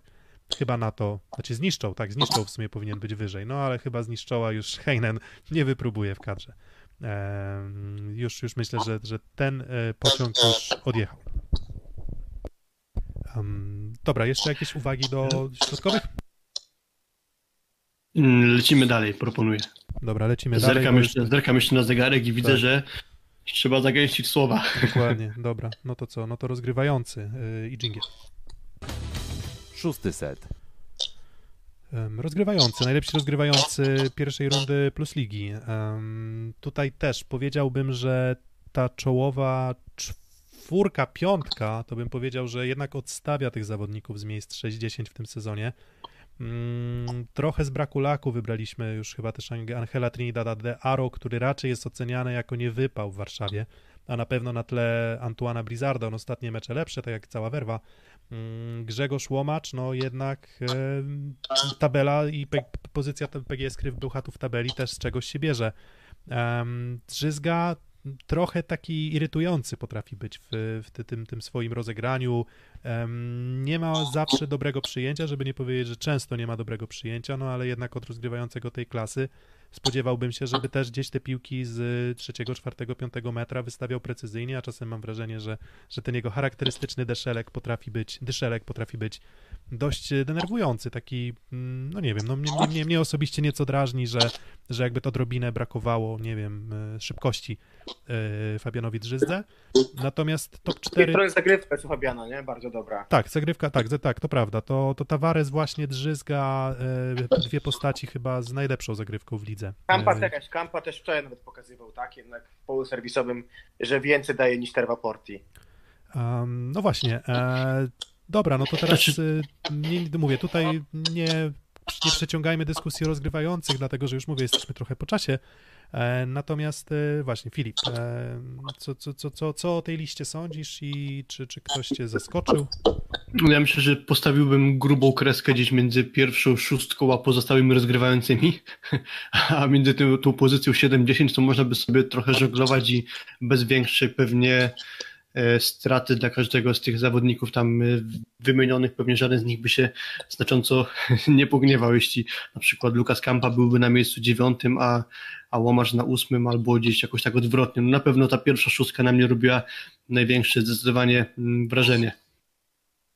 Mm, No właśnie, Josh- Joshua Tuaniga, e, o jego wpływie na grę Suwałki już mówiliśmy bardzo dużo. Mm, Ja nie wiem, moja teza jest też taka, że kto wie, czy Tuaniga nie, ma, nie, nie miał w zeszłym sezonie może nawet czasem większego znaczenia dla gry Suwałk niż, niż Szerszeń. I, no i myślę, że Andrzej Kowal jest bardzo zadowolony, że Tuaniga został, no bo gdy Tuaniga nie grał, to Suwałki przegrywały. Gdy Tuaniga grał, Suwałki punktowały dobrze. Um, I wydaje mi się, że to jest najlepsza rekomendacja. Jan Firley, mm, ja uważam, że w tym chłopaku jest e, przyszłość reprezentacyjna. Uważam, że no, on też szansę w kadrze powinien dostać. Mm, Natomiast no, był już Marcin Komenda, który tę szansę dostał, no i teraz jego kariera potoczyła się tak, jak się potoczyła. Em, gra w mm, Beniaminku, Beniaminku Ligi. Natomiast nie chciałbym Firleja na zbyt głęboką wodę wrzucać, natomiast uważam, że on bardzo dużo wyciska z tego potencjału indywidualnego, gdzie patrząc na nazwiska, wydawałoby się, że nie ma tam aż tak dobrych partnerów do gry, a jednak potrafi ich e, tak umiejętnie wykorzystywać i tak te piłki dawać, że e, na, w zasadzie na, na, każdy zawodnik wygląda przy nim w ataku lepiej. Zawsze cię cy- cytuję bardzo często w naszych transmisjach twoje tweety. Jestem chyba największym fanem. A, I ty dziękuję, kiedyś dziękuję. pisałeś o efekcie Firleya. Dobra, może nie jestem największym fanem, ale bo to dziwnie brzmi, ale e, pisałeś o efekcie Firleya i Jakbyśmy mieli kamerkę, to bym się zaczerwienił, zawstydził i w ogóle, wiecie, tak bym... Za, Nie z- wspomnieliśmy jeszcze o tych naszych ankietach nic, ale któryś z naszych ankietowanych wskazał, że Piotr Złoch był MVP rundy pierwszej No i myślę, że to wiesz, tu nie ma się z tym kłócić, to ktoś mądry napisał na pewno. No, Poza tym, chciał być złośliwy, powiedziałby, że sam Piotrek tak napisał, ale no nie, nie. no, no nie, wiesz, nie. Ja wiesz, ja to- jestem, ja jestem, wiesz, ja jestem taki, wiesz, bardzo, bardzo przyziemny człowiek, ja tam nie, ja, ja, nie fruwam, Człowiek, ja nie człowiek fruwam w kosmosie, dokładnie, dokładnie. Jak kiedyś będzie dla mnie jakiś prezent, to polecam taki jest, y, taki dmuchany jest y, napis, napisem ego, to można mi go kupić. Okej. E, ale y, tak wracając do tej grupy 410, mm, to chciałem tylko tu wyróżnić Tuanigę za jedną rzecz. E, Za wpływ jaki ma na, na, na grę, że mało gdzie jest ten wpływ tak widoczny, że mecze bez Tuanigi są przegrywane, a mecze z Tuanigą, no ten bilans jest wyraźnie na plus, także przepaść między nim a Gąciarzem jest ogromna. A co jest dla mnie ważne, był taki moment sezon temu, kiedy Tuaniga miał dołek i Gąciarz grał w kilku meczach w trakcie poprzedniego sezonu w połowie, a widać teraz po Tuanice, że okej, to jest jeszcze drugi sezon po, poza USA, ale widać stabilizację u niego, że nie tylko w pole zagrywki, ale też ma, ma mało farfocli. A w poprzednim sezonie było tak, że były te farfocle, że się gubił w tym prowadzeniu gry. Yy, Myślę, że też mu pomaga gra bez kibiców, jeżeli mam być szczery. Znaczy, w sensie mam wrażenie, że w ubiegłym roku trochę miał ten przestój przez to, że to był pierwszy rok poza, poza college'em i USA. A teraz tego nie ma. Też istotna sprawa w przypadku Tuanigi, no to odejście Nikolasa Szerszenia. Myślę, że z tej pary przyjmujących Suwał, czyli z Russo i z Marcinem Walińskim jest to sumarycznie trochę mniejszy potencjał aniżeli z Nikolasem Szerszeniem. To też pewnie wymaga dodatkowej jakości od Tuanigi i jakoś tak to potrafi zbilansować w swojego zespołu, to przeniesieniem większego ciężaru na błądzie, że mimo wszystko Suwałki mają całkiem dobry bilans wygranych w tym dotychczasowym e, czasie właśnie rozgrywek ligowych, także no tutaj Tuaniga zdecydowanie po mojemu poszło, czyli zajął to czwarte miejsce. Mm, Dobra, no to top, no to jedziemy do top 3 mm, rozgrywających teraz i proszę bardzo, już na ekranie powinniście widzieć Benjamin Toniutti, numer 1, Marcin Janusz, numer 2, Maximiliano Cavanna, czy Maxi Cavanna, e, jak też e, lubi nazywać siebie i lubią go nazywać e, czy kibice Zawiercia, czy, mm, czy po prostu kibice Plus Ligi. Benjamin Toniutti, no cóż, Śliwka wygrywa na przyjęciu, na ataku nie wygrywa e, Łukasz Kaczmarek, no ale teraz znowu wracamy do tego, że, że zawodnicy Zaksy... E, no, Na ataku wygrywa Malinowski. E, Tak, mówię, że tak, że, że właśnie na ataku nie wygrywa zawodnik Zaksy, A, a, okej. a teraz znowu wracamy do tego, że, że najlepszy rozgrywający Benjamin Toniutti. No wybór trudny, natomiast raczej powiedziałbym, że Toniutti i Janusz ciutkę wyżej nad Kawanną, bo, bo Kawana też miał te momenty mm, słabsze. Mm, Tak, ja myślę, że Kawan bliżej miejsca czwartego, a nie powiedział. Mm, Tak, dokładnie, więc raczej bym powiedział, że zresztą widać to nawet w ankietach. My gdzieś tam pewnie na koniec odcinka wspomnimy, natomiast w ankiecie jest właśnie tak, że albo Toniutti, albo Janusz. I to są postaci, które zdecydowanie najwięcej tych punktów y, czy, czy, czy waszych głosów zebrały. Mm, No i Maxi Kawana gdzieś tam też w okolicach tego trzeciego, czwartego, y, piątego miejsca.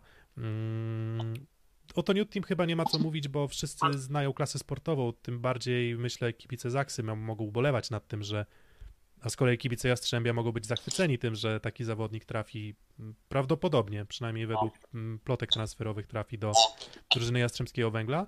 E, natomiast ciekawe, gdzie trafi Marcin Janusz, tak? No bo to już jest kolejny sezon, w którym trochę jak wspominaliśmy o Firleju, że przy nim zawodnicy wyglądają lepiej, no to wydaje mi się, że, że przy Januszu też. I, I jeszcze jedna rzecz istotna dla Janusza, która umyka, to jest najlepiej blokujący, rozgrywający ligi. I Tak. to warto... Ale zagrywka też jest, ten plot jest kąśliwy bardzo. Przepraszam, że weszłem ci w słowo, No, wszedłem, oczywiście, przepraszam. oczywiście, Ale chodź. jak wiesz, no Gdańsk to ja się emocjonuję. Mm, już niedługo Gdańsk, pewnie Kędzierzyn. Natomiast yy, i chyba, że Christensen się zmaterializuje w Zaksie, ale chyba, chyba nie, nie sądzę. Mm, Co do Marcina. Zobaczcie, jak on odjechał innym polskim młodym rozgrywającym, poza Firleyem, który jest chyba najbliżej, bo i innym w ogóle w plus lidze rozgrywającym, bo zobaczcie, Łomacz obiektywnie, myślę, że też nie ma z tym sporu, jest gdzieś w połowie tych rozgrywających, miejsce ósme, Drzyzga tak samo, Firley, okej, trochę wyżej i no komendy w ogóle w dziesiątce nie daliśmy, a gdzie jest Marcin Janusz, tak? Jak, jak on wyrósł ponad pozostałych.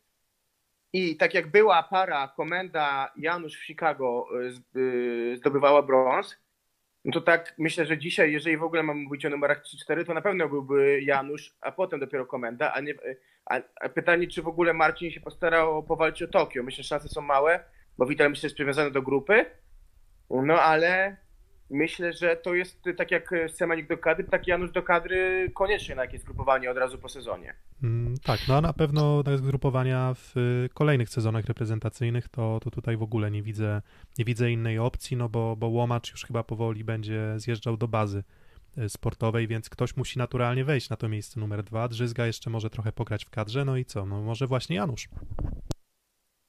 No i właśnie też aspekt y, jakby tego, jak czyjaś gra jest miła dla oka, no to mówiliśmy przedtem o graniu z Pablo Krerem, no to właśnie skoro mówiliśmy dużo dobrego w tym kontekście o Pablo Krerze, no to teraz jeszcze by trzeba wspomnieć o tym e, w przypadku Marcina Janusza, no bo jednak gdzieś do tego tanga trzeba dwojga, no to Marcin Janusz właśnie dobrze tam te piłki do Krera dogrywa, co gdzieś tam finalnie oko potrafi cieszyć, także myślę, że jeśli szukamy rozgrywającego do kadry na dłuższą perspektywę, to chyba nie trzeba by się znacząco wysilać, żeby kogokolwiek przekonać do e, wyboru Marcina Janusza, że to będzie dobry wybór. Tak, no a o Maxi Kawanie, no to też e, warto wspomnieć e, o genialnej współpracy z Malinowskim.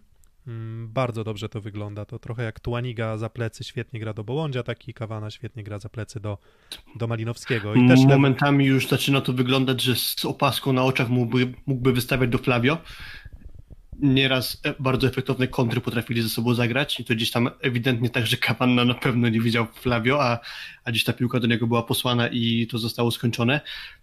Dużo dobrego myślę, że można powiedzieć, jeśli chodzi o jego przerzuty, bo to też rzucało się w oczy, że jeśli trzeba piłkę posłać na kilkanaście metrów, no to Kawanna potrafił to robić dobrze i, i myślę, że gdyby zrobić jakieś takie statystyki skuteczności zespołu w ataku po przerzutach, to obstawiam, nie mam takich liczb, ale, liczb, ale obstawiam, że Kawanna byłby w czołówce. Tak, jeśli słucha nas ekipa Volley Station, swoją drogą pozdrawiamy, e, to, to, to może nam dopowiedzą, jak to wygląda przy, e, przy właśnie piłkach, które gdzieś muszą pokonać nieco dłuższy dystans, co na boisku. E, Tylko, że tu dużo też pewnie zależy od atakujących czy tam przyjmujących. Y, nie, nie, nie, wszystko zależy od wystawy, ale, ale myślę, że no, jakość przerzutu WK Wanny stoi na wysokim poziomie. Właśnie, no pytania z czatu też, czy Janusz jest w stanie unieść na swoich plecach presję kadry, czy, czy, czy, czy sprawdzi się w klubie z większą presją. Mm, dopóki nie zagra, to się nie dowiemy, prawda? Tak, no ciężko na podstawie czegokolwiek teraz wyrokować takie coś. No. Czysto sportowo, nie, czysto sportowo Myślę, myślę że nie radę. spala się z mocnymi rywalami, bo na, o ile, nie wiem, mam takie wrażenie, że o, o, tym Lipińskim przedtem mówiliśmy, że no jego gra trochę gorzej wygląda z zespołami z czołówki, tak w przypadku Marcina Janusza nie za bardzo mam wrażenie, że on gra gorzej, jeśli po drugiej stronie stoi mocny rywal. Mm, dokładnie, e, więc I, nasze top 3. I jeszcze tak, jedno. Dobra. Tak. Nie, no mów. mów. No Piotrek, do końca jeszcze nie, chciałem nie, tylko jedno nie. zdanie, bo padło pytanie o Emiego Portiego. To jest podobny przypadek jak Tomasza Fornala, myślę chyba ze mną się zgodzicie, przy czym Fornala to jest bardziej jeszcze klarowny, no bo Fornal pojawił się na boisku tylko, na boisku tylko w sześciu meczach, a ten Waporti po prostu nie został un, przez nas uwzględniony, bo grał mniej niż Kampa. I, I, tu chyba jest główny aspekt, y, który zadecydował, że go w dziesiątce pierwszej nie umieściliśmy, chociaż gra dobrze. Mm, dokładnie, gra dobrze i kto gra dobrze na libero? Mm, Szósty set. Tak, miejsca 4-10 już powinny być na waszych ekranach widoczne. Na miejscu czwartym Damian Wojtaszek, piąty Maciej Olenderek, szósty Michał Potera, siódmy Jędrzej Gruszczyński, ósmy Kacper Piechocki, dziewiąty Michał Żurek i dziesiąty Michał Ruciak. E, tutaj znowu bym powiedział, że mm, od miejsc w tym przypadku 5 do 10 powiedziałbym, że, e, że, że, że raczej ten poziom jest dla mnie dość zbliżony. Mm, nie, nie, nie, nie wydaje mi się, żeby to byli um, arcymistrzowie pozycji libero w tym sezonie. Wydaje mi się, że właśnie na Damianie Wojtaszku na czwartym miejscu gdzieś odcina się ta pula tych zawodników, którzy naprawdę dają swoim drużynom e, jednak odrobinę więcej, mm, co nie znaczy, że no, na przykład no, Potera bardzo dobrze wygląda statystycznie, znowu, prawda? W zeszłym sezonie dobrze wyglądał w Będzinie, tutaj dobrze wygląda. Trochę więcej może się spodziewałem po Gruszczyńskim, Myślę, że kibice z zawiercia może więcej spodziewali się po, po żurku. Mm, trochę jak w przypadku rozgrywających czy atakujących, no jeżeli mówimy o miejscach 7, 8, 9, 10, no to, to nie, to, to, to przy 14 drużynach to nie jest zbyt dobra recenzja.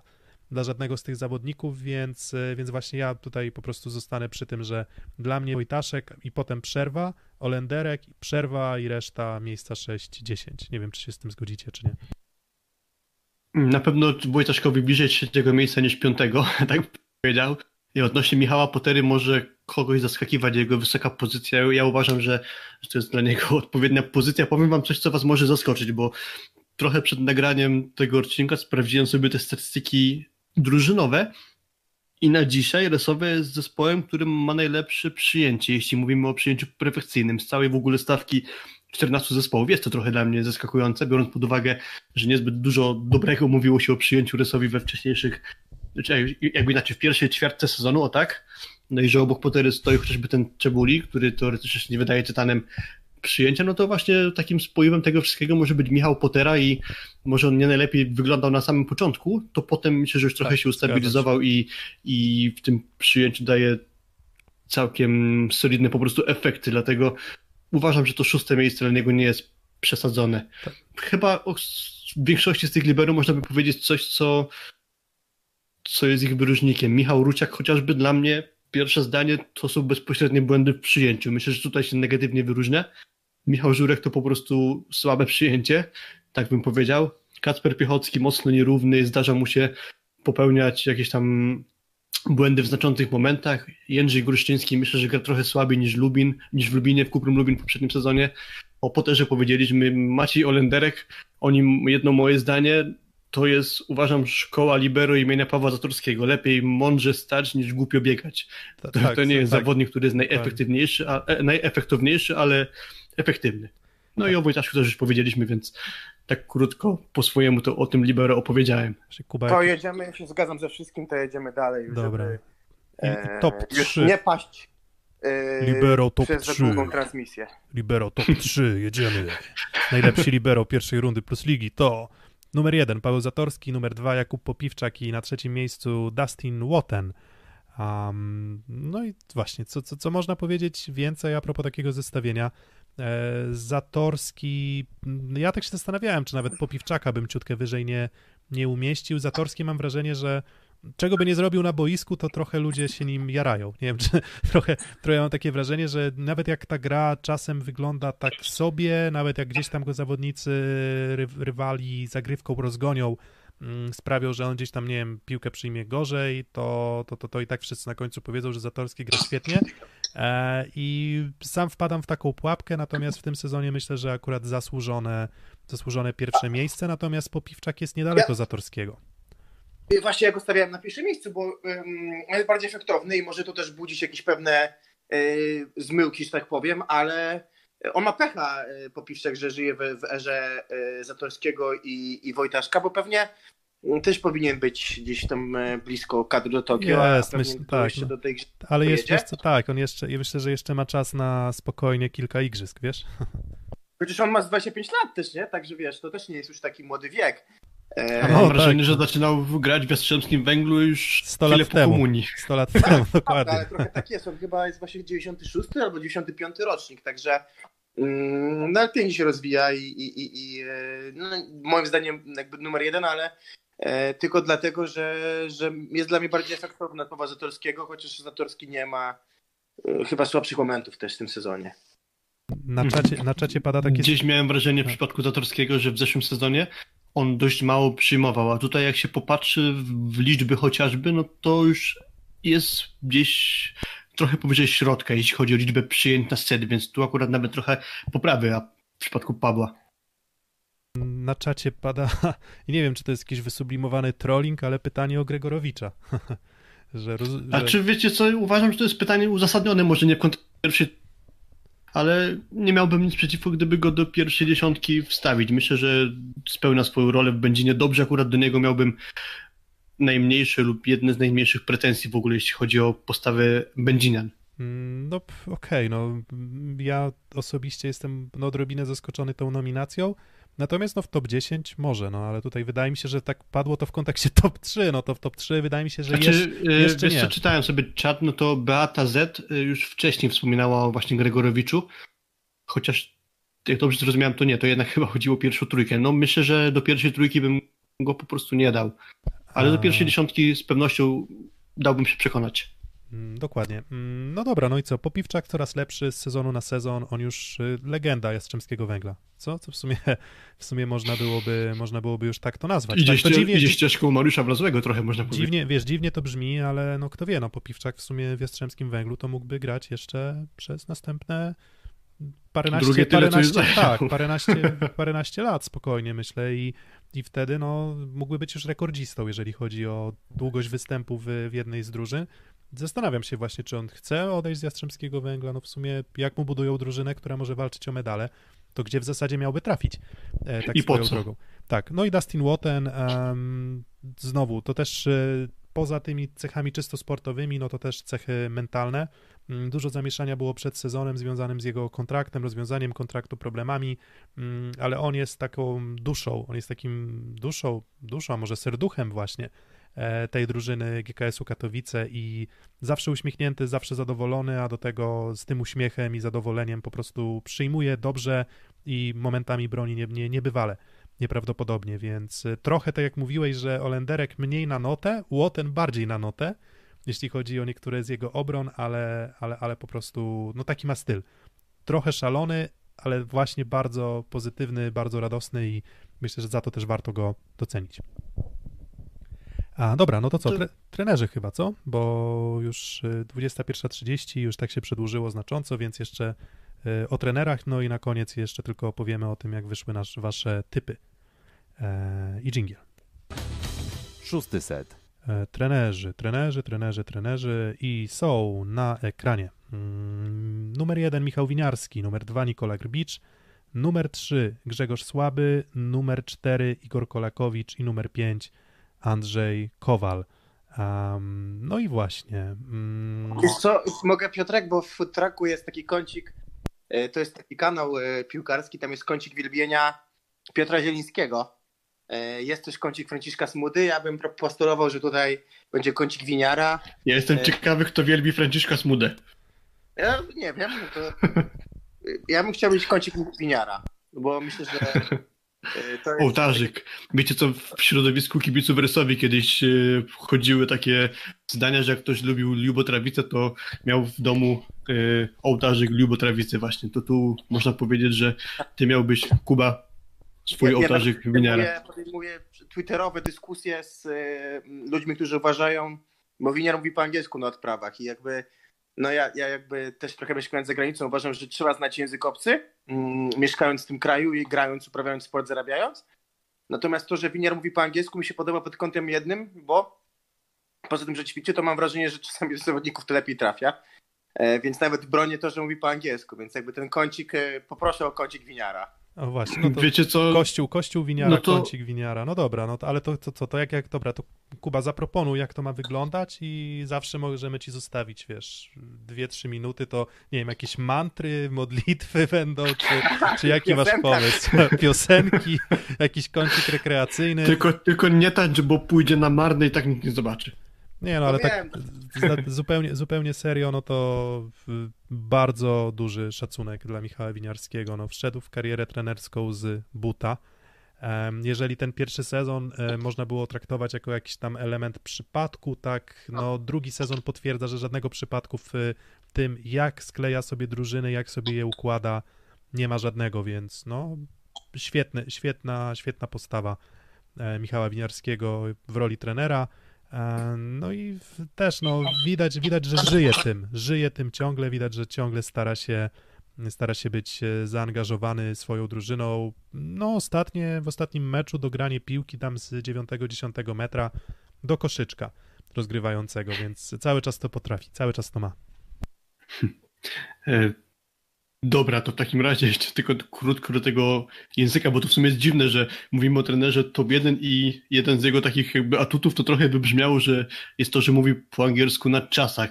Sporo też złego czytałem na ten temat, że jesteśmy w Polsce, to trenerzy może powinni po polsku mówić, ale myślę, że to są same plusy z tego, że akurat w taki sposób zwraca się do swoich zawodników, bo kilku z nich jest jeszcze mocno rozwojowych, może czeka ich kariera zagraniczna. Ja uważam, że po polsku to ci zawodnicy Polacy już wszystko rozumieją, a jak wyjadą za granicę, to będzie im się dużo łatwiej przestawić do życia w zagranicznym klubie, jeżeli będą się spotykać z językiem angielskim, którym dotąd obcowali na co dzień, więc myślę, że to są dodatkowe jeszcze plusy.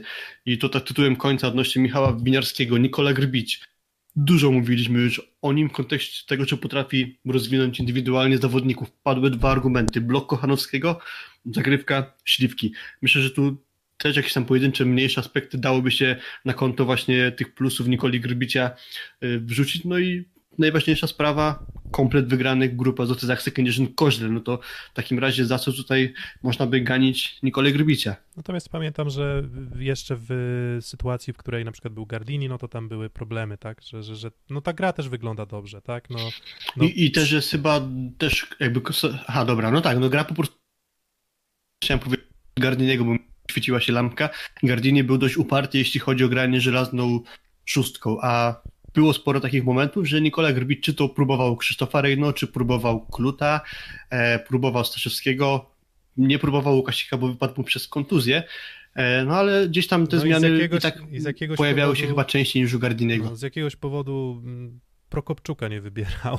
Nie wiem I, dlaczego. I, Banacha, tak, tak, tak, nie, to prawda. Znaczy, no to... tak, no ale to też chodzi o to, że no, trzeba być też gotowym do, do grania na tym poziomie. Grzegorz Słaby, też zaskoczenie, nie spodziewaliśmy się tego, że on będzie w stanie aż tak umiejętnie poprowadzić przed sezonem, gdzieś tam mówiliśmy, no postać znikąd, odrobinę, tak, jakby postać, która jeszcze się nie, nie, nie, nie sprawdziła na tym poziomie, natomiast okazuje się, że sprawdza to się... To był asystent, nie, Deszkiewicza, także wiesz, to też taka kontynuacja fajna Tak, jest, sprawdza się... Daszkiewicza, wcześniej Gruszki, był pierwszym trenerem w pierwszej lidze, więc jakby dobrze zna środowisko, do którego trafił. Tak, tutaj y, jakby jeżeli chodzi o ten, jeżeli chodzi o element właśnie Grzegorza Słabego, to jedynie bym zwrócił uwagę na to, że no, on przejął drużynę w 100% zbudowaną przez Daszkiewicza. Mhm, Z pierwszej szóstki, no wypadł już Szymura, ale No tak, przyszedł mówię, niego zawodnik, że który już w tej drużynie chodzi- był, więc w tym systemie Gieksy już Tak, jakoś więc- funkcjonował, był z nim obyty. Więc tak. tak. więc, więc jakby wychodzę z takiego założenia, że on nie budował drużyny sam, bo inną rzeczą jest, ok, przejął skład personalny, w zasadzie bez zmian, Mm, no i kontynuuje to bardzo umiejętnie, tak? Czy Katowice grają dużo lepiej niż w poprzednim sezonie, gorzej? Pewnie tak samo. Podejrzewam, że, że, że nie ma dużej różnicy w ich poziomie gry, więc ciekaw jestem, jak poradzi sobie w sytuacji, w której na przykład ktoś by rozkupił GKS Katowice, natomiast no ta banda katowicka bardzo dobrze gra pod, e, e, pod, pod powiedzmy batutą Grzegorza Słabego, no i Grzegorz Słaby nie jest słabym trenerem, tak? Kojarzycie tego mema? Sła, trener słaby i słaby trener? No to, to, to, to myślę, że są takie miejsca w, w, w Polsce, w których e, można byłoby podstawić kilku trenerów pewnie pod, pod, pod ten, tą część mema, nie trener słaby, a słaby trener. Igor Kolakowicz, dobry start z zawierciem, miał problem z odbudowaniem się po covid ale zawiercie już chyba wróciło na swoje tory. Andrzej Kowal udowadnia, że ja tutaj też biję się w pierś. Miałem takie momenty, w których się, nie wiem, śmiałem, irytowałem, zastanawiało mnie, dlaczego ten Andrzej Kowal jest tak oceniany wysoko. Natomiast okazuje się, że te sukcesy, które on osiągnął za Sekory sobie Rzeszów, sukcesami przypadkowymi nie były. I on w Suwałkach robi świetną robotę. E, Przy ograniczonych zasobach, przy ograniczonych warunkach potrafi swoją autorską drużynę zbudować, no i za to też mm, duży szacunek. Em, I akurat nie kto inny jak trener Kowal wyciągnął ze Stanów Joshua Tłanikę, którego sobie bardzo cenimy, więc też myślę, że jest jeden z takich e, pomniejszych, ale istotnych atutów, jeśli chodzi o trenera, że ma dobre rozeznanie na rynku transferowym. e, Dokładnie. Ale to już było też wcześniej z Szerszeniem, też było wcześniej z Jaskim, także gdzieś tam u Kowala ta umiejętność jest ogromna. Jeszki, Szerszeń, tak, Tak, było tak, takich tak, zawodników więc- z NCAA no, wyciągniętych No przez niego. ale, ale to też jest jakby, no, zadał sobie trud, żeby te kontakty zbudować, relacje, prawda? Więc można powiedzieć, że no, też no, umiejętnie potrafi po prostu tych zawodników znaleźć. Nie dlatego, że gdzieś tam z kapelusza ich wyciąga albo zobaczył ich na wideo, tylko myślę, że on po prostu z ligą NCAA jest jak z bratem, tak? Więc, więc on, on, on stąd, też, stąd też po prostu te perełki jest w stanie ze Stanów e, wyciągać. E, No dobra, no to teraz już tylko takie... Piotrek, to wiesz co, jak przechodzicie do ankiet, to może ja się, bo tutaj obowiązki świąteczne mnie bardzo wzywają, No rozumiem. więc jakbym Śmigaj, mógł, mógł się śmigaj. pożegnać się z widzami, bo tutaj przejdziemy tylko do ankiet, także już trochę bardziej Tak, to jest, to jest, to ja, tylko, ja tylko odczytam, także- odczytam ankiety, ale jasne, Kuba, dzięki piękne, że byłeś z nami i no i myślę, że wesołych. Tak, E, Dzięki Trzymaj się. wesołych świąt dla, dla was chłopaki i dla widzów. Dzięki bardzo, jesteśmy w kontakcie. Cześć. No, trzyma się. Tak, a my, a my tylko już bardzo szybko y, podsumujemy, jak, jakie są wasze opinie według ankiet, tak? E, Odpowiedzi jeszcze będziemy zbierać, no jest ich blisko 80, no i teraz tak, jak, e, jak się to przedstawia? No najlepsi przyjmujący Lipiński głosów 65 i Śliwka 64, E, czyli no Bartłomieja Lipińskiego stawiacie nieco wyżej niż Olka Śliwkę, no ale cóż, te wyniki są bardzo zbliżone, na trzecim miejscu Kamil Semeniuk i na czwartym miejscu co ciekawe, Tomasz Fornal. No, mówię, 5 spotkań rozegranych na możliwych 12 to jak dla mnie trochę za mało, natomiast prawda jest taka, że jeżeli Fornal grałby na tym poziomie, na którym grał e, na początku sezonu, no to na pewno tutaj byłby wysoko. I myślę, że spokojnie moglibyśmy go wtedy wyrzucić kosztem na przykład Semeniuka mm, wyżej. E, no i czwarte i piąte miejsce według was Klement Czebul, tak? Czyli u nas czwarty Czebul, a e, u was piąty, tak? Bo właśnie Fornal wyprzedził. No tak, no to odrzucając, znaczy jak inaczej, przyjmując ten argument o mały Fornala, to myślę, że nasze opinie się okazały całkiem zbieżne z opinią właśnie większości. Tak, e, dalej, e, jeżeli chodzi o środkowych... W, w familiadzie byśmy dobrze nam wypadli. Tak, dokładnie, dokładnie. No, jeżeli chodzi o środkowych, Gładyr najwięcej punktów, 67 głosów, e, dalej na drugim miejscu Kochanowski, na drugim miejscu, przepraszam, Krer, 53, Kochanowski 47 i Nowakowski na miejscu czwartym 34, no i Miłosz Zniszczą też został doceniony, więc to nie jest tylko jakaś nasza fanaberia, tylko też ludzie doceniają to, że, że on w tym sezonie radzi sobie naprawdę świetnie. E, no i gdzieś za tą, e, za, za tą ekipą mamy Flavio mm, z 19 głosami. A, no, a Nowakowski, Piotrek? E, na miejscu czwartym, czyli jest mm, Gładyr, Krer, Kochanowski, Nowakowski i potem A, okay. zniszczą. Yy, jakby nie usłyszałem Nowakowskiego, myślałem, tak, że tak, gdzieś tak. niżej. Dokładnie. I oczywiście tam te, te wyniki udostępnimy w formie jakichś tam ładnych wykreślików, natomiast na razie jeszcze możemy je zbierać. E, atakujący Malinowski mm, numer jeden, Bołądź y, numer dwa i Kaczmarek numer trzy. Mm, no i na miejscu czwartym blisko Kaczmarka Jimenez i Al-Hagdadi na miejscu piątym, czyli on jednak ciutkę wyżej oceniany niż e, niż, niż my postawiliśmy, jeżeli chodzi o cenę Marokańczyka. E, rozgrywający Toniutti, absolutny lider, praktycznie wszyscy głosujący wybrali go do grona tych, najlepszych. No i zdecydowana większość wybrała Marcina Janusza, bo taki układ głosów 67 Toniutti, 52 Janusz, no i gdzieś tam daleko, daleko na miejscu trzecim jest Maxi Kawana, 11 głosów, e, Miguel, Miguel Tavares 8 i Joshua Tuaniga 7, czyli wydaje mi się, że to się mniej więcej pokrywa, tak? Nie, nie, nie widzę znaczącej różnicy, dysproporcji w, mm, w ocenie mhm. zawodników. Na razie najmniej chyba zbieżne były nasze typowania odnośnie Alharda. Jego trochę niżej daliśmy. Dokładnie. W tych dokładnie. ankietach. A, no i jeżeli chodzi o najlepszych libero, no to wy uważacie, że jednak minimalnie lepszy 53 głosy dla Jakuba Popiwczaka, 52 dla Pawła Zatorskiego, ale znowu mówiliśmy o tym, że my też zastanawialiśmy się, czy przypadkiem nie postawić wyżej na młodszego zawodnika z drużyny ze Śląska. Mm. Numer 3 mnie ciekawi bardzo. Jak myślisz? Pewnie Wojtaszek. Mm, nie, Dustin Wotten. Dustin Wotten na miejscu o. trzecim i na miejscu czwartym Wojtaszek głosów 11, Olenderek głosów 10 na miejscu piątym, na Wotten 16 głosów, czyli to gdzieś tam się by to zgadzało. No i najlepsi no trenerzy Winiarski, Grbicz, Winiarski najwięcej głosów, praktycznie wszyscy głosów wybierali Winiarskiego, dalej Grbicz e, na trzecim miejscu, trzecie, czwarte, piąte miejsce bardzo równiutko. E, oj, Reynolds jest na miejscu piątym, co ciekawe.